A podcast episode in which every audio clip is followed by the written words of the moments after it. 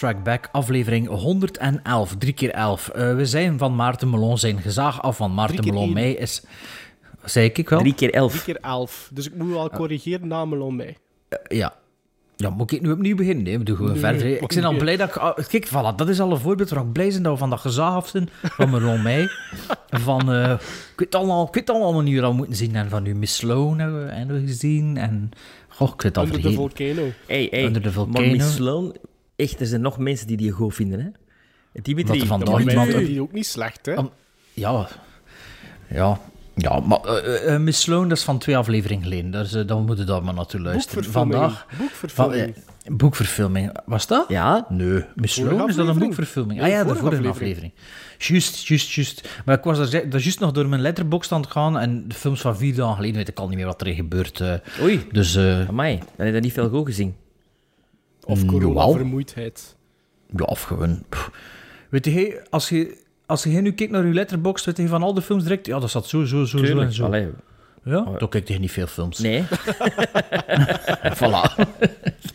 Bij mij was het echt, zelfs met de films dat we vandaag bezien hebben, was het zo dat juist alweer even van, ja, hoe zat dat weer, hoe zat dat weer?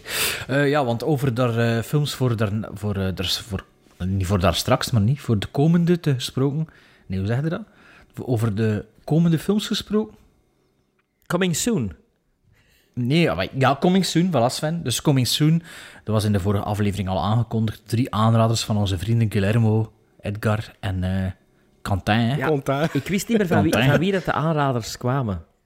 Ah ja, daar houden we straks Ja. wel nog, eh, nog over aan. Eh, pins, kijk, blijven ze toch maar promoten, want sinds de vorige aflevering hebben er toch wel weer een paar verkocht gekregen. En eh, ja, en sommige mensen zeggen, oh, die is nog te verkrijgen. Maar bij ja, die is nog te verkrijgen. Met hopen. Allee, we zitten er half door, dus het valt nog al Oh, bij al mee. valt goed mee. Ja, dus ik denk, denk nog een stuk of 15 dat we beginnen een beetje winst te maken. Eh, gelukkig, heb ik, eh, ja, gelukkig heb ik dingen laten maken. Ehm, eh, pins en niet bijvoorbeeld, eh goh, ik zeg maar iets, eh, wat pakt er veel plaats in? Paraplu's of zo. hè. Stel Stel je je dat voor voor. para- onder paraplu's, hè, of zo van die parasols voor op het terras. Met zo'n reclame, allee, reclame. Eh, noemt? Product placement van ons. Ehm, misschien is dat iets voor volgende zomer, een paraplu, een parasol, terrasparasol. Ja, Strike maar Back zo parasol. ene zo gelijk vroeger, zo rond op een kop te doen. Zo die, Ah ja, zo even een parasol. Jaren 80 zo. Voilà, voilà. Ehm, over 80 gesproken, misschien zelfs 90. Sven, is er iemand dood? Ja, Now I am become death, the destroyer of worlds. I should have expected to find you holding Vader's leash. I recognized your foul stench when I was brought on board. Little surprises around every corner, but nothing dangerous. I don't know where you get your delusions, laser brain. Read it. Read it.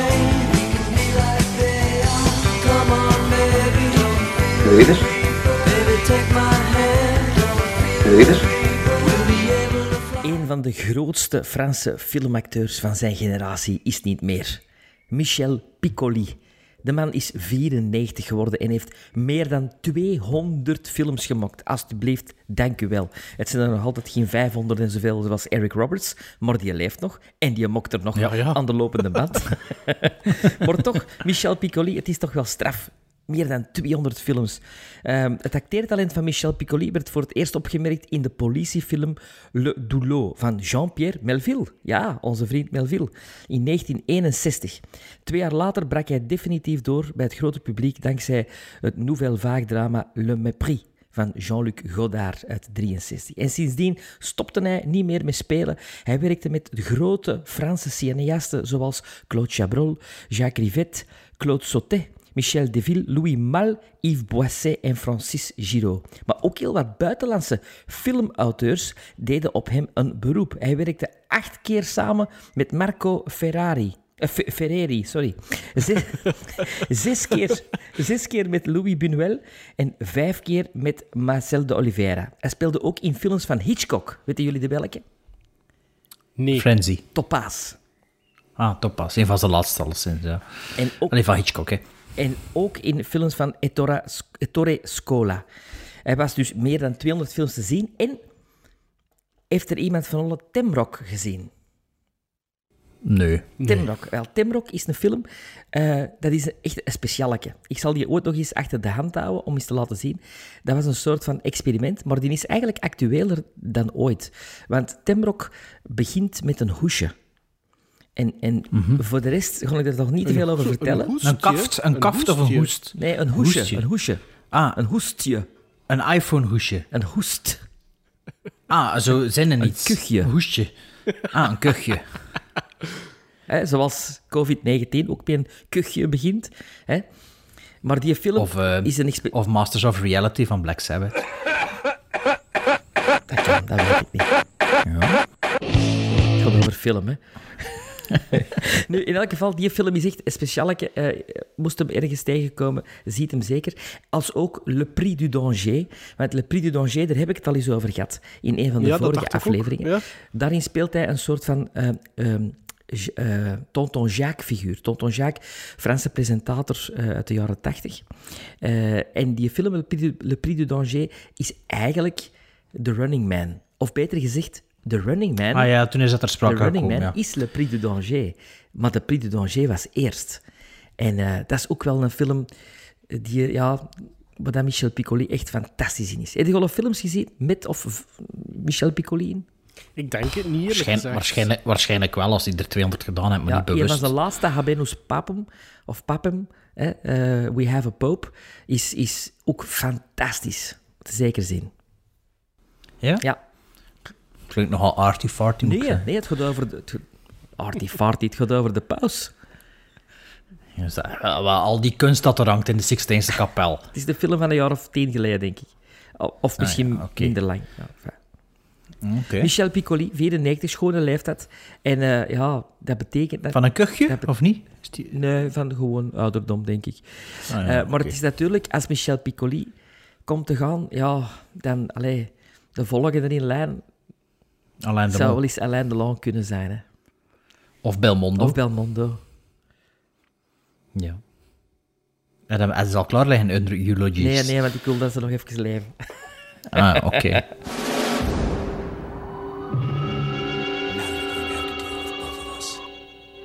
long term therapy, together with short term anxiety or sleep medications, offer Stockholm Syndrome sufferers an excellent chance to recover and resume a normal, healthy life. Gremlins Strike Back. Bart had vorige aflevering laten weten dat hij drie aanraders had gekregen door drie verschillende persoonlijke vrienden van hem en niet de minste. Zoom. Ja, Ja, zo- een via de Zoom-gesprek. Ja, ja, absoluut. En- Wij, en- wij, wij met vieren. Een fo- een four-way Zoom-call.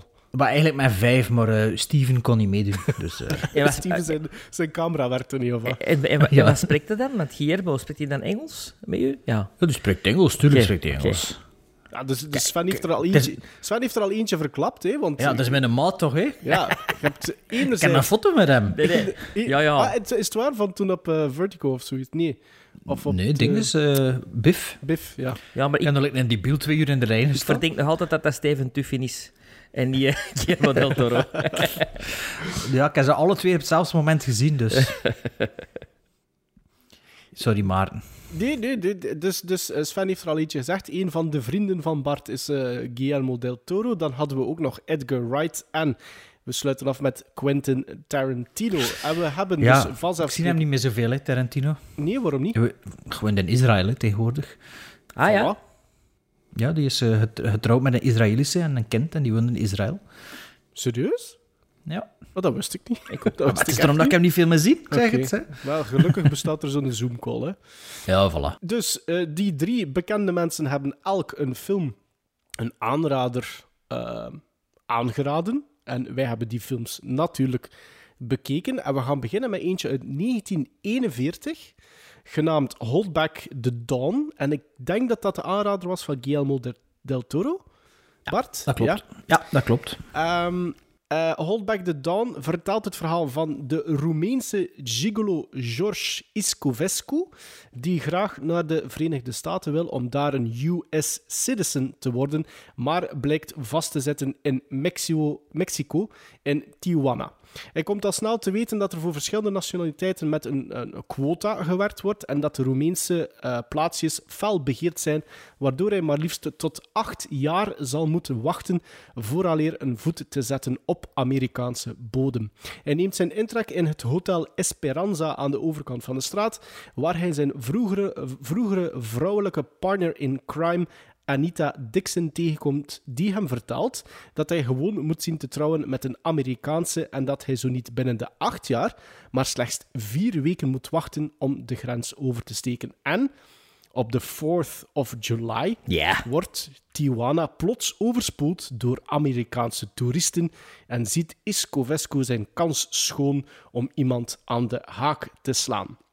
Hold Back the Dawn duurt een uur 56 minuten, werd geregisseerd door ene Mitchell Lysen en heeft Charles Boyer, Olivia de Havilland, Paulette Goddard en Walter Abel in de hoofdrollen zitten. De film was in 1994 genomineerd voor maar liefst zes Oscars, namelijk best 94? twee, eh, 1942, wat zei ik? Ah, ja. Eh, drie keer elf. Drie keer elf, dacht ik En is het Charles Boyer? Ja, het is een. Fransman, hè? Een Fransman. dan. Eh, de film was in 1942 genomineerd. Ja, Melon Meis gedaan, precies. Hè. Ja, als hij, eh, als, hij, als hij iets verkeerd zegt, als ik Ja, iets verkeerd zeg, dat is wij zijn er ook op, het? Het gebeurt niet zoveel, Ja. dus ik begrijp Nee, het dat is- als vliegen op een Dat- strand. De film Nee, was nee, in omge- 19 omgekeerd gebeurt niet veel. De film was Als in ik verkeerd ben. 1942 dus genomineerd voor maar liefst zes Oscars. Best Picture, Best Actress in a Leading Role, eh, Best Writing Screenplay door Charles Brackett en idool van Billy Bart, Wilder. Billy Wilder. Billy Wilder. Best Cinematography Black and White, Best Art Direction Interior Decoration Black and White en Best Music Scoring of a Dramatic Picture. Bart, Hold Back the Dawn. Je hold back the down. Ja, eh, down. Kan, Dawn. Dawn. Dawn. Dawn. Dawn. Ja, Ja, daar merk ik niet nog verstond vorige keer dat je die titel ja, zei. jong. Ik, heb, ik ken die film toch van naam? Maar nee, Allee. ik heb die nog nooit niet gehoord. Oh, jawel, joh. Nee, dat is dus een van die films eh, dat op mijn letterbox staat dat ik ook alweer goed moest denken waarover ging het weer toen dat ik eh, mijn voorbereiding vandaag deed voor deze aflevering. Dus het was even eh, terug her recapitule- recapitu- recapituleren. Dus inderdaad, de film is geschreven door Billy Wilder. Ik ken nou eerst nog wel extra weetjes, omdat ik niet wist wat dat allemaal ging aankaarten. En ik weet dan natuurlijk het gesprek van ik, Guillermo en ik. Allee ja, Edgar ook natuurlijk. Ja, ja, Ehm. Dus de, de film is inderdaad geschreven door Charles Brackett en Billy Wilder. Billy Wilder zelf ook een immigrant in Amerika. Eh, een van zijn eerste Amerikaanse dingen dat hij, dat hij eh, geschreven heeft. Eh, het is gebaseerd op een verhaal van Kitty Franks. En ehm, Charles, Charles Brackett was eigenlijk de vaste schrijfpartner van Billy Wilder...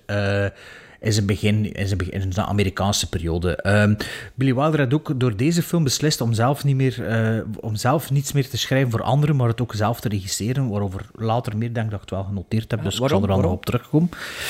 Ehm, in het originele script stond er dus in het begin, ehm, maar ik kan er straks over terugkomen. Want ik had wel merken, het- is niet speciaal, maar het, zit er gaat structuur beter. in, ja. Het zit er structuur in, voilà. voilà het zit er structuur Ja. in, dat is het. Ehm, maar dus Charles Brackett was dus in de beginjaren van Billy Wilder zijn vaste schrijfpartner. Ik heb hier opgeschreven welke dat, wat dat ze allemaal samen geschreven hebben. Op een gegeven moment is er aan die samenwerking wel een einde gekomen. En ik ken dat boek, ik heb dat al een keer gezegd, dat interviewboek met de Cameron Crowe, Ja. die Billy Wilder interviewt. Zo'n dik boek, super interessant, een beetje like Truffaut, eh, Hitchcock Truffaut. Eh, dus de- dat ze door Hans' filmografie gaan. En er zijn wel wat verhalen, want ik geloof dat die Billy Wilder ook Double Indemnity geschreven heeft. Niet met ehm, Charles Brackett, maar met de Raymond Chandler zelf, de film noir, eh, de noir-fictie-schrijver. En er zijn veel verhalen over zijn schrijfpartners in, in dat boek, in dat interviewboek. Ehm, Is dat alleen een boek of is er ook een documentaire met beeld? Goh, dat zou kunnen, maar allee, ik ken vooral het boek. Eh, maar het is echt zo'n boek met... Het is een lang, lang inter- een interview van, van 300 pagina's, zo. hè, Dus echt... eh, ehm, maar dus Billy Wilder had bijna altijd met schrijfpartners samengeschreven. Maar in het begin dus met Charles Brackett. En Charles Brackett had onder andere zijn Amerikaanse debuut van Billy Wilder, The Major and the Minor, geschreven. Five Graves to Cairo, The Lost Weekend, The Emperor Waltz, A Foreign Affair. En de laatste, dacht ik, dat ze samen geschreven hebben, was Sunset Boulevard. Dat is een favoriet van, Maar, eh, van Sven. Maar net dat nog niet gezien. Nee. Ja, ja Sven onthouden. Ligt hier ook al Eh, lang, maar... Maar Charles Brackett heeft, schreef ook alleen nog films. En in 1959 heeft hij welke film geschreven, maar... Sorry, ik was niet aan het volgen. Ah, ik zeg Charles Brackett schreef... Charles Brackett schreef ook alleen films. En in 1959 heeft hij wat geschreven? Geen idee. Journey to the Center of the Earth. Oh, kijk eens aan. Van vorige Throwback, aflevering. throwback. Ja, throwback, throwback. Ehm, de regisseur Mitchell Leisen, die, die was voor mij eigenlijk een eh, illustre onbekende. Nooit van gehoord. Toen, ja, toen dat... Nee. Wel, maar had er wel een film van liggen. Allee, had deze film al liggen Ik had hem liggen, ja, klopt. Eh, voordat ik ze allemaal opgestuurd heb naar jullie via Amazon.nl, onze nieuwe vrienden, sponsor. Ehm dat is Mitchell Leijsen en ook zijn andere films. Zijn bekendste, je ziet het dan op IMDb zo'n beetje wat zijn bekendste zijn. Dead Takes a Holiday, The Mating Season en Remember the Night. Allemaal. Nee, ik, ik, ik, had juist hetzelfde. Niet zijn. Ja, nee, zeg mij ook Ja. niks. En hij had die Eureka-editie zeker maar. Het is een Arrow Academy. heeft- Arrow Academy, oké, cool. Ehm, maar ja, kijk, de film begint dus en het is, eh, ik vind het redelijk snel... ik kan beginnen met dat van Billy Wilder. De structuur is nu toch een beetje overhoop gehaald. Ik, de film begint een beetje met een, met een, met een raar of overbodig proloogske. Ehm, eigenlijk een beetje jammer, want je weet al veel door dat proloogske. En ehm, eigenlijk zou het verhaal kunnen beginnen na die proloog en dan uiteindelijk belanden. Het is zo de klassieke jaren 40 truc van met een flashback te werken en het is iemand die het begint te vertellen. Maar eigenlijk weet het dan al een klein beetje van hoe dat kan uitdraaien. En dat is wel jammer. Maar blijkbaar had er in het origineel scenario had dus ehm, Brackett en Billy Wilder geschreven dat, eh dat, dat de Boyer, Boyer, Boyer, whatever, Boyer. eh, in een kamer eigenlijk een beetje, ja, een beetje doorgedraaid is en tegen een cockroach aan het babbelen is. En als ik het zo las, moest ik een beetje denken aan de opening van Apocalypse Now, of toch deel van eh, Martin Sheen. Oei. Ehm, Ja, tegen, ja. Een, Allee, tegen een cockroach. Ja, tegen, dat hij gewoon zo... Maar eh, Boyer vond dat zodanig debiel dat hij dat niet wou doen Dat en snap zo. ik. En...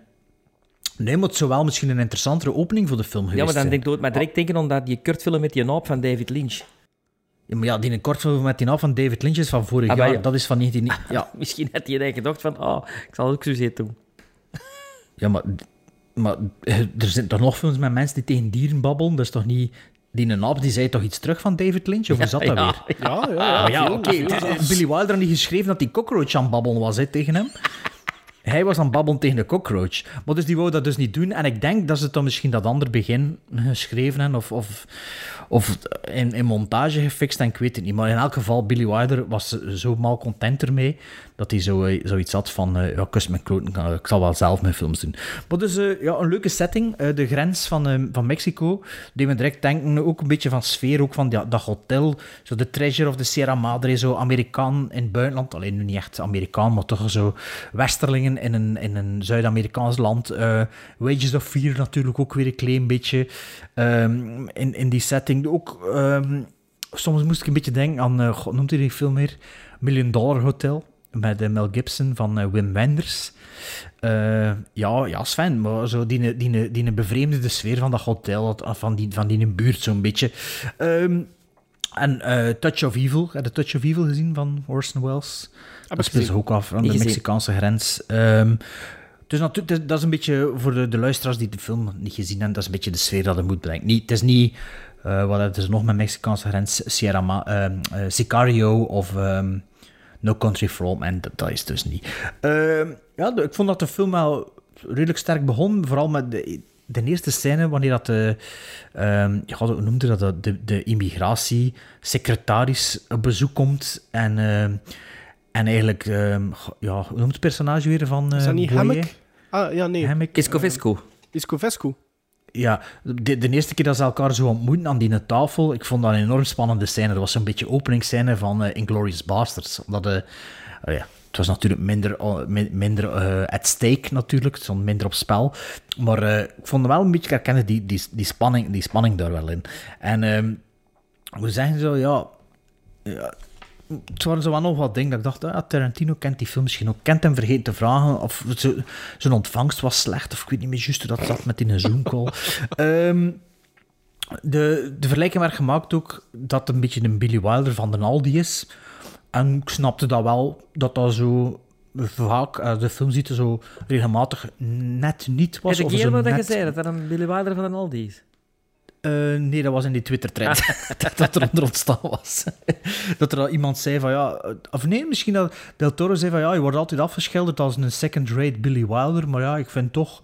ehm, ik vind toch dat dat meer, meer, meer wil zeggen of zo. Maar ik vond, ik vond dat wel. Dus ik vond...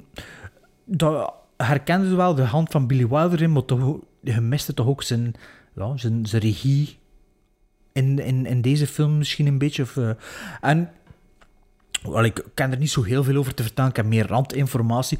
Ik Oei. vond, over het algemeen vond ik, vond ik... Nee, maar ik vond het einde vond ik ook een beetje flauw. Het mocht, mocht wel wat meer zijn, vind ik. eh, hoe dat de film zich uiteindelijk afspeelt. Ehm, dus ik dacht, ja... Ça va. Dus, dus zeker geen slechte film, maar... Goh, memorabel, zo memorabel vond ik persoonlijk ook niet. Maar ik heb wel een paar weetjes. Maar Je moet geen jingle ma- maken, want het is, het is weer aan mij. Ah, ja. Nee, ehm, Het was een vrij specifieke jingle ook. ja, dat is waar. Ehm, een paar dingetjes nog over de acteurs. Mitchell Lyson speelt zelf mee in de film. Heb je hem herkend? Nee, nee. Dwight, Sa- Dwight Saxon was eh, Mitchell Lyson. Ik weet niet meer wie dat was. Ik heb dat genoteerd, maar ik weet niet meer wie dat Dwight Saxon is. Ik weet niet of hij er nog weet wie dat is. Ehm, Char- Charles Boyer. Van waar kennen we die nog? Wij als Kremlin Strike Back. Sven gaat zeggen. Max Ooflus. Oh, hoofdrol in Madame de. In Madame Ma- de speelt hij de hoofdrol, ja. En Char- Charles Boyer, die had ook vier Oscar-nominaties gehad in zijn carrière. Dus eh, dat was wel een bekende acteur Geen volgens mij. garnaal. Speelde ook mee in Gaslight. Ja. Heb je dat iemand gezien, Nee, Maarten? nee, Heb je nee. gezien? Niet gezien, maar ik Ah, nee. weet wel dat hij nog niet meespeelt. Met Greta Garbo. Ja, dus, ja, dat, ja, en dat is ook... Ik denk ook dat de term gaslighting ook vanuit die film afkomstig is. Hè? Is dat niet? Ken je dat, gaslighting? Nee. Dat is, zo, dat is doen tegen een, een, iemand anders alsof dat zij zot zijn. Ah, Dus, dus zodanig dat ze aan hun eigen... beginnen Begin twijfelen. Allee, Ja. aan hun eigen beginnen te twijfelen. Ja, dat is gaslighting. Dat is ik de denk dat dat van... gaslighting. Denk. Ja, maar ik denk dat dat van die film afkomstig is. Maar het kan toevallig Wie is de ook. regisseur van? Eh, Dat weet ik niet. Nee. Ehm, ja... Goh, nee. Ik heb het vandaag nog gelezen, maar ik, weet- ik weet het niet meer. Het is, ja... Het is niet Max Ooflus, dat weet ik. Eh, Olivia de Havu- Havilland, hè, dus Emma, Emmy, Emmy Brown, de hoofdrol, eh, de vrouwelijke hoofdrol, die leeft nog. Ja. Ja, dat is Die juist. leeft nog. We dat Die een is keer, eh, geboren in Tokio. De- Dat die nog leeft? Ja, Ja, we hebben dat- dat al een keer gezegd. Onder en twee of zoiets, niet? Met, de, met de Dark, Onder en vier, onder en vier volgende maand. Oh, maar ja, kijk, ja, ik, zat, ik zat er toch niet ver van. Wat? De- Met de Dark One? Dark Mirror. Eh, hebben we het daar niet over gehad? Nee, want de Dark Mirror, eh, Sven en ik, we hebben die alle twee de laatste twee weken gezien, Ah. of zo, de Dark Mirror. dus inderdaad, die speelde een dubbelrol in de Dark Mirror, maar ze speelde ook mee in The Harness van William Wyler, van Best Ah, Years of Our Lives. In dingen, hè. Wat? In Hush Hush Sweet Charlotte. Hush Hush Sweet Charlotte Ja. speelt ze ook mee, inderdaad. Ze speelde ook mee in Gone with the Wind, The Swarm in de 70s, Airport 77, en ze speelde eigenlijk Maid Marian tegenover Errol Flynn in The Adventures of Robin Hood. Ja. Hoe zot is dat die nog altijd leeft? Ja, ja. Die speelde toen Maid Marian, niet het kindje 2 in ja, de ja, background. Ja, hè. ja, die kindje twee. Ja, maar het- dus die leeft nog. Allee, veronderstel dat ze nu nog leeft. Maar kijk, op 1 juli wordt ze onder en... Onder en vier, Goh. ja. Onder en vier hè? jaar. Het is daar nog een Ja, kreftje. en toen, had, ja, toen heb ik nog iets over, over Pauline Godard. Paulette. Bo- eh, Paulette, Mm, Paulette Paulette Godard, Godard. hè, de vrouwelijke, hus, vrouwelijke hustler, speelde mee in Modern Times Ja. en The Great Dictator. heeft ook iets gehad met Chaplin. Is het waar? Nou, kijk, jij misschien ook nog weetjes. En het personage van Van den Loiken. Van de Loiken. Van den Loiken, weet jij daar iets Die meer over? dikken daar op het einde. Ja, Nee? Dat is gespeeld door Victor Franken en die is geboren op 5 augustus 1888 in Tienen. Mo. Mo. Ja, maar ze zijn dat dat dan... Ofwel, ze- die zijn ze niet dat een Hollander was? Ja. Een Hollander. Dat- ja, maar ja. Of de Maar je Hollander moest of- er, ja. mo- moest er de hele tijd verbeteren, zeker? Of was dat een andere film? Dat Nee, die nee, naam moest heeft, heeft, verbeteren? nee, heeft één, één zinnetje. Maar dat, Ah, ja, wordt ja, niet dus- verbeterd. Nee, verbeterd Ah, is ik in de, in naam andere film. Is het in een andere film? Ja, ik weet, ik weet het niet meer toevallig. maar dus ja, kijk, ja, Hold, hold, hold Back the Dawn. Ehm, zeker geen slechte film, hè, maar ik kan er misschien wel wat meer van verwachten door, eh, ja, door mijn vrienden die weer moesten overdrijven, natuurlijk. Ah ja, nog één iets. Ik vond wel... eh, ik vond het einde een beetje flauw. Ik vond dat proloogske ook een beetje raar of overbodig, maar ik vond wel dat het scenario wel volledig klopte. Je voelde wel dat dat, Ja, ik snap dat, dat dat van naald tot raad Ja. perfect zat, maar ja, mocht wel iets meer zijn voor mij. Sven. Hold back the dawn.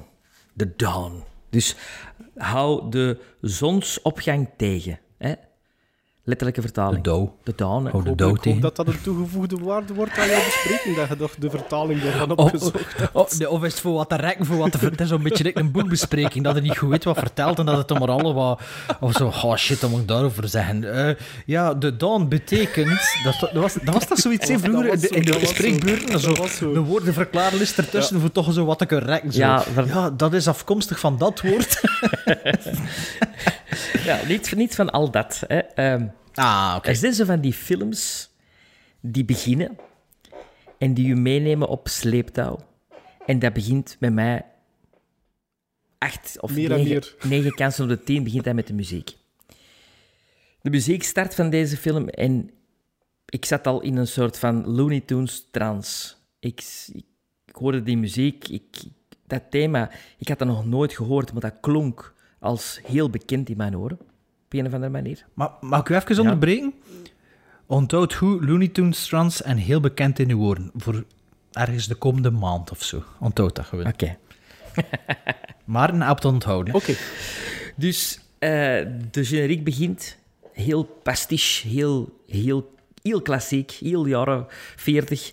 Maar ik was eh, in het begin helemaal struck. Ehm, inderdaad, je ziet zo de proloog, waar ik absoluut geen probleem mee had. Eh integendeel, Nee, maar- integendeel ik, ik, ik vond dat plezant om zo eens in een backlot te zitten eh, van studio's van uit die tijd. Eh, dat je zo... Ja, allee, Het gebeurt wel veel in die films, dat ze in backlot zitten en, en in studio's en zo. Ja, want Hail Caesar bijvoorbeeld is een ode aan al die films ook deels. Hè. Ja, maar ik bedoel, films die zich in die tijd afspelen op die sets van die tijd. Ja, ja, ja, ja, maar, wel, ja, maar, veel van die, maar ja, maar heel veel van die noirs of van die films spelen zich af in Hollywood of in de Hollywood Hills en Dan zo. heb hè. ik er nog weinig gezien waarschijnlijk, want voor mij was dat zoiets van, oh, wauw, tof. Ja, ja, oké. ja. Ehm, Vertel maar verder. en ook van minuut één, als Charles Boyer begint te praten, hang ik om zijn lippen. Ik vind dat een ongelooflijk accent en een warme stem en een présence. En ik had direct zoiets van, hey, George Clooney van de jaren 40. Eh, dus die pakte mij meteen mee in het verhaal. Ook die gast die die regisseur speelt, die dan zo moet luisteren naar hem, vond ik heel goed gespeeld. Ook al is dat maar niet heel klaar rolletje, maar vond mij tof. En dan zitten we in een sfeer die mij heel hard deed denken aan een mix van eh, prologen uit... Allez, van het moment dat ze dus in, in Mexico zitten, hè, prologen uit James Bond films. Gemixt met Casablanca-sfeer. Ja. Eh, je zit in, in een, in een in een klein eh, dorpje. Tijuana, Setting, ja. Tijuana Mhm. ik ken het. Ik ben er geweest. Ik heb er ook iets meegemaakt. Eh Is dat voor publicatie of niet? Of is dat iets voor uh, of, of air? jawel, dat, dat is, je gaat erbij moeten zijn, maar vooral geweest. Ah ja, oké. Dus ik zat direct in de sfeer van Tijuana en ook eh eh, The American Dream, eh, die daar ook heel hard leeft. En toen ook. Eh, en al die personages die zich één, één voor één beginnen voor te stellen in het verhaal. Al die mensen die op zoek zijn naar die een grote droom, naar dat Amerika. Ik vond dat allemaal heel interessante en heel boeiende personages. En heel tof gespeeld. Op de rand van een fijne comedy, eh, maar toch ook met een serieuze, tragische on- onderkant. Een soort van tragiek die altijd zo... Die een hoop naar het betere leven... Ineens flitste het ook door mijn kop van hoe actueel dat die film ook niet is. Hè? En zeker... Ja, zich- veel eer. Veel eer tegenwoordig. Alles dat we zien van vroeger is precies actueel. ongelooflijk. Ook dat zich dat in Mexico afspeelt tegenover Amerika. Ehm, wacht, hè. Ik heb een paar dingen nog genoteerd. Hè. Nog Ah, wat ja. vertaling van woorden of zo? Nee, nee. nee. Ja, kunnen Olivia? Olivia de... wacht. Olivia de Havilland, die ik dan juist had gezien in The Dark Mirror, waar dat ze ook fantastisch in speelde, ehm, speelt hier een schooljuffrouw, maar op een zeer ontwapenende eh, wijze, eh, waar dat je direct, denk ik, als man in die tijd voor kunt vallen. Voor zo echt zo de typical American... eh, Als er, als er een bril niet aan heeft. Hè. Ah, ik vond die een bril ook wel goed, hè? Maar zeggen ze dan niet, dat ze, of is dat ook in een andere film, dat ze zeggen van, doe een keer je bril af? Is dat niet Oh nee, ik heb veel te veel oude films gezien de laatste drie weken. Dat weet ik niet. weet het Dat niet weet meer. ik. Zeg ze, dat- zegt ze dat zelf niet van... eh, ja, sorry, eh, ik kan me vorige keer mijn bril nog aan. Ik, was, ik zag er niet op mijn beste Nee, want ze doet pas iemand op tender naar een bril aan, volgens Ja, mij. ja ze, nee, ze zegt dat terloops zegt ze van eh, er is iets dat je moet weten of zoiets. Of ik zie er al, niet altijd zo uit, want als ik heel moe word, Ja, dan moet ik mijn bril aanzetten, opzetten of zoiets. Ja. Ja, en, en de eerste keer zag ik haar ontmoeten als er een bril aan of zo. Het was zoiets, dacht ik. Zwat, Dus je hebt, eh, je hebt de, de, de chemistry die er dan eh, komt tussen Charles Boyer en eh, Olivia de Havilland. Eh, allebei met een andere beweegreden. Eh, wat, ik- wat ik heel slim gevonden vond in, in het scenario. Wat ik heel plezant vond om als kijker die een trip mee te nemen van de twee agenda's die ze allebei hebben. Eh, ze, zij heeft een heel ontwapenende, eh, een beetje eh, naïeve agenda. En hij heeft een hele doortrapte agenda. En dan heb je als derde personage Paulette Godard, die ravissant staat te spelen, die voor mij in en al seks uitstraalt, die, die eh, ja, het de- tegenovergestelde is van Olivia de Havilland als personage, maar zo, ja, het engeltje en het duveltje, en, en ik zag dat wel, ik, ik, ik, ik, ik snapte dat wel, en ik vond dat een ongelooflijk trio. Ik vond die trio eh, chemistry tussen die drie acteurs fantastisch werken. Eh, en dan wil ik graag iets voorlezen. Is het een woordenverklaringslijst? Nee, maar deze vind ik, dat zijn de, voor mij de zinnen eh, waar dat eigenlijk de film in essentie om, om, om draait. Dus Van der Luken zegt op een gegeven moment: Don't let us be impatient, let's always remember the words they have on the Statue of Liberty. En dan ze- zegt hij in Inspector Hammock: Life, liberty and the pursuit of happiness. En dan zei Van der Luken: No, no, you're referring to the words of Thomas Jefferson in the Declaration of Independence. What I meant was a simple poem inscribed on the base of the statue. Give me your tired, your poor, your huddled masses yearning to breathe free. The wretched refuse to your tame, teeming shores. Find these, the homeless tempest tossed to me. I lift my lamp beside the golden door. En dan zegt hem, or is it the shining door, Mr. Inspector? En dan zegt de inspector, well, you get me on that one. Dat vind ik de essentie van deze film. Dat is een droom, de American Dream, waar, dat, waar dat zoveel mensen over dromen, maar dat eigenlijk, ja, nu... Toen was het van, komt maar allemaal naar hier. Of toen al, ook al niet meer. Toen niet ook meer, al niet meer. Ja, nee. Dat was al schijnhuwelijk. eh, en en dat is... Allee, ik vond dat... Dat heeft mij echt geraakt, op een of andere manier. Heel die film... Je direct, je direct naar buiten, je vlag ophangen. Nee, nee, dat, ja, maar op een, op, op, op een andere manier. Een beetje gelijk als Born on the 4th of July. Mijn, mijn perceptie heeft veranderd over Amerika. Het is ook weer zoiets, een knak gegeven. Zo van, shit, damn. Hè? En ik vond het, ja, ik, ben, ik was helemaal in de flow van die film. Nee. En ik, ik ja, een klein beetje verliefd geworden op deze film. Ah, Dat is dat, mooi. daar doen we het voor, hè. Dat doet het is voor, hè. ja. Wat dat jij nu had, dat is wat ik op hoopte, maar ja, ik ben veel te cynisch, hè. En wel, en ik had zoiets van, hold back the dawn, hold back the dawn. Wat voor een titel is dat nou? Echt waar, toen dat je die een titel gaf, en dan dacht ik van, oh, brrr. En ik zet die film op en ik was precies zo, zo, zo een beetje fairy dust van, van, van eh, Tinkerbell en pjoe, helemaal, helemaal mee in dat verhaal. En als ik aan Maar- Billy Wilder zeg, dan dacht ik van, oh, dat wist ik ook niet. Ja, en ik vind dat echt wel vintage Billy Wilder. Van de Billy Wilders die ik al gezien heb, hè. ik heb er niet veel gezien. Dat is Ja, het. eh, eh, oké, dat was het. Dat Ah, was dacht, dat er nog, dacht dat er nog een woord of twee ging uitleggen. Ehm, dus Bart, jij had het niet echt voor dat proloogje. Sven, jij had het wel voor dat proloogje. Ik moet eerlijk zeggen, ik vond dat, die proloog redelijk goed. Ik vond dat heel leuk om, om die film zo te beginnen. Ehm, ik ga er wel direct bij zeggen, ik heb van deze, van twee van de drie films dat we bespreken hebben, waaronder deze, had ik niets opgezocht op voorhand. Dus ik wist zelfs de synopsis niet. De synopsis niet van de films.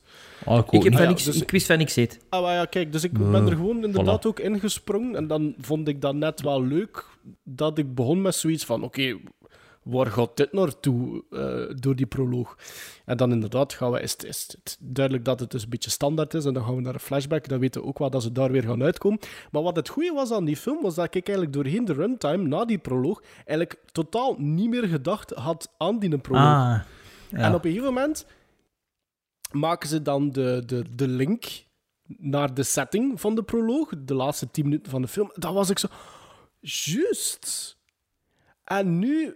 En dan begon dat bij mij te dagen van... Ah ja, it, may all, it all makes sense now. wat dat er daar gezegd is. Want ik was daar volledig niet meer mee bezig met die informatie dat ik gekregen had in die proloog. En ik moet eerlijk zeggen, en dat vond, dat vond jij ook wel, Bart, op het laatste schoot mij dat ook te binnen van, godverdomme, dat scenario zit goed in in. Want alles klopt aan dat script. Ehm, dus dat was heel positief. Ehm, in tegenstelling tot Sven heeft het geduurd. Olivia D- de Havilland kon mij niet echt bekoren in het begin. Het heeft geduurd totdat ze terugkomt.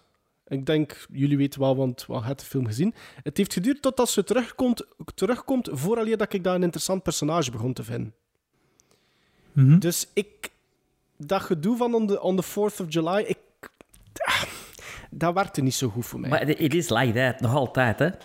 Oh, waarschijnlijk, ja. Dat, dat, dat Want zo... dat, dat is met die kinderen zo Tijuana Nee, nee, maar dat de- de gewoon dat overspoelen, hè? Eh, ook, Ah ja, ja, dat zou kunnen. Ja, dat zou kunnen. dat, is echt, dat is echt Blankenbergen, hè, voor, eh, voor de Amerikanen. voor Tijuana, hè? Echt, hè? Welke bergen voor de Amerikaan. Ehm, dus da- daarin geloofde ik al niet. Die Charles, Charles Boyer, dat vond ik... ik vond dat echt fantastisch voor dat te Ja, kijken. ik vond dat ook. Die deed me vrij aan niemand denken. Clooney? Maar ik weet niet George wie. Clooney? Heel, de- heel nee, de nee, tijd. nee, echt. De, eerste, de dichtste dat ik bij... Nee, hoe dat hij eruit zag fysiek. De dichtste dat ik bij aankwam, dat ik kon denken, is die, eh, die eh, jock... Niet, niet Stifler, maar die een andere uit American Pie.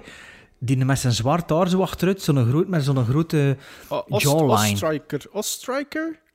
Het zou kunnen, die dat eigenlijk samen is met, de, met die griet van American Beauty, Ja, denk ja, ik. ja, ja, ja, ja, ja. Maar het is echt fysiek, Ja, George Clooney ook, zijn, hè? Allee. Ja, maar George Clooney heeft geen zo'n lang hoofd. Hè, met zo'n langer hoofd. En ik moest de hele. Allee, er is nog zo iemand anders, maar elke keer dat ik het bijna vo- weet wie dat is, springt me- mijn verstand op die ander. George, George? Kennedy? Nou, ken die niet. Ehm, ik vond het goed hoe, dat, dat het verhaal stelselmatig uit de doeken wordt gedaan. Net zoals dat hij ook zei, die, wanneer dat die Inspector Hammock geïntroduceerd wordt, en dat, die, dat je dan in Hotel Esperanza terechtkomt en dat je daar al die andere nationaliteiten ziet, die eigenlijk allemaal dezelfde bedoeling hebben, namelijk de grens over te steken om US citizen te worden. Ehm, vond ik heel goed en, en, heel goed gefilmd ook en heel goede exposure. Is, het is exposure, maar het voelt niet aan als exposure. En dat is altijd wel heel tof. Ehm, dat is ook een van de sterkst, sterkstes van Wilder. hè. maar het probleem is, naarmate dat die film verder ging, had ik altijd zoiets van... Ik, ik, ik had altijd het gevoel van... Ik dacht dat die film anders ging verder gaan. En een van de grootste redenen daarvoor is dat die Inspector Hammock plots voor een heel stuk in die film verdwijnt. En ik moest altijd denken, en Sven heeft het daar juist nog over gehad in zijn Don't Fear the Ridder, ik moest heel de tijd denken aan The Running Man. Ah, Waar dat... maar de, de, de, niet de Running Man, de Schwarzenegger, hè? Nee, nee, nee, nee, nee, de Amerikaan... Nee, nee, niet de Running Man. Nee, nee, nee. De Running Man, waar, dat ik, oei, waar dat ik het over had heb, die in mijn top 10 stond van First Time Viewings vorig jaar. Vorig jaar, Ja. ja. ja. Eh, waar dat er zo'n verzekeringsagent op reis gaat en daar plots een koppel tegenkomt waarvan dat de man zogezegd overleden is. En doorheen de film is het... Is de, eh, vraagt u als Je, kijker... zat, een- je zat eigenlijk een beetje op een noir element te wachten. Ik, ik, ik had gehoopt dat die, die, dat, dat, ehm, die hammock eigenlijk op een gegeven moment... Allee, pff, dat is moeilijk voor, voor niet te veel nog een andere agenda zou hebben dat we als kijker nog niet weet op dat ja, moment. dat. En op een gegeven moment verdwijnen... Allee, gaan, gaan ehm Iscovescu en, en Olivia Daveland ehm, gaan op reis, op huwelijksreis, zo gezegd. Hè? Mhm. En ik dacht van, hij gaat erachter gaan. Ja, The Night of the Om- Wel, Hunter. dat ik- Om nog zo'n beetje een... een, een ja.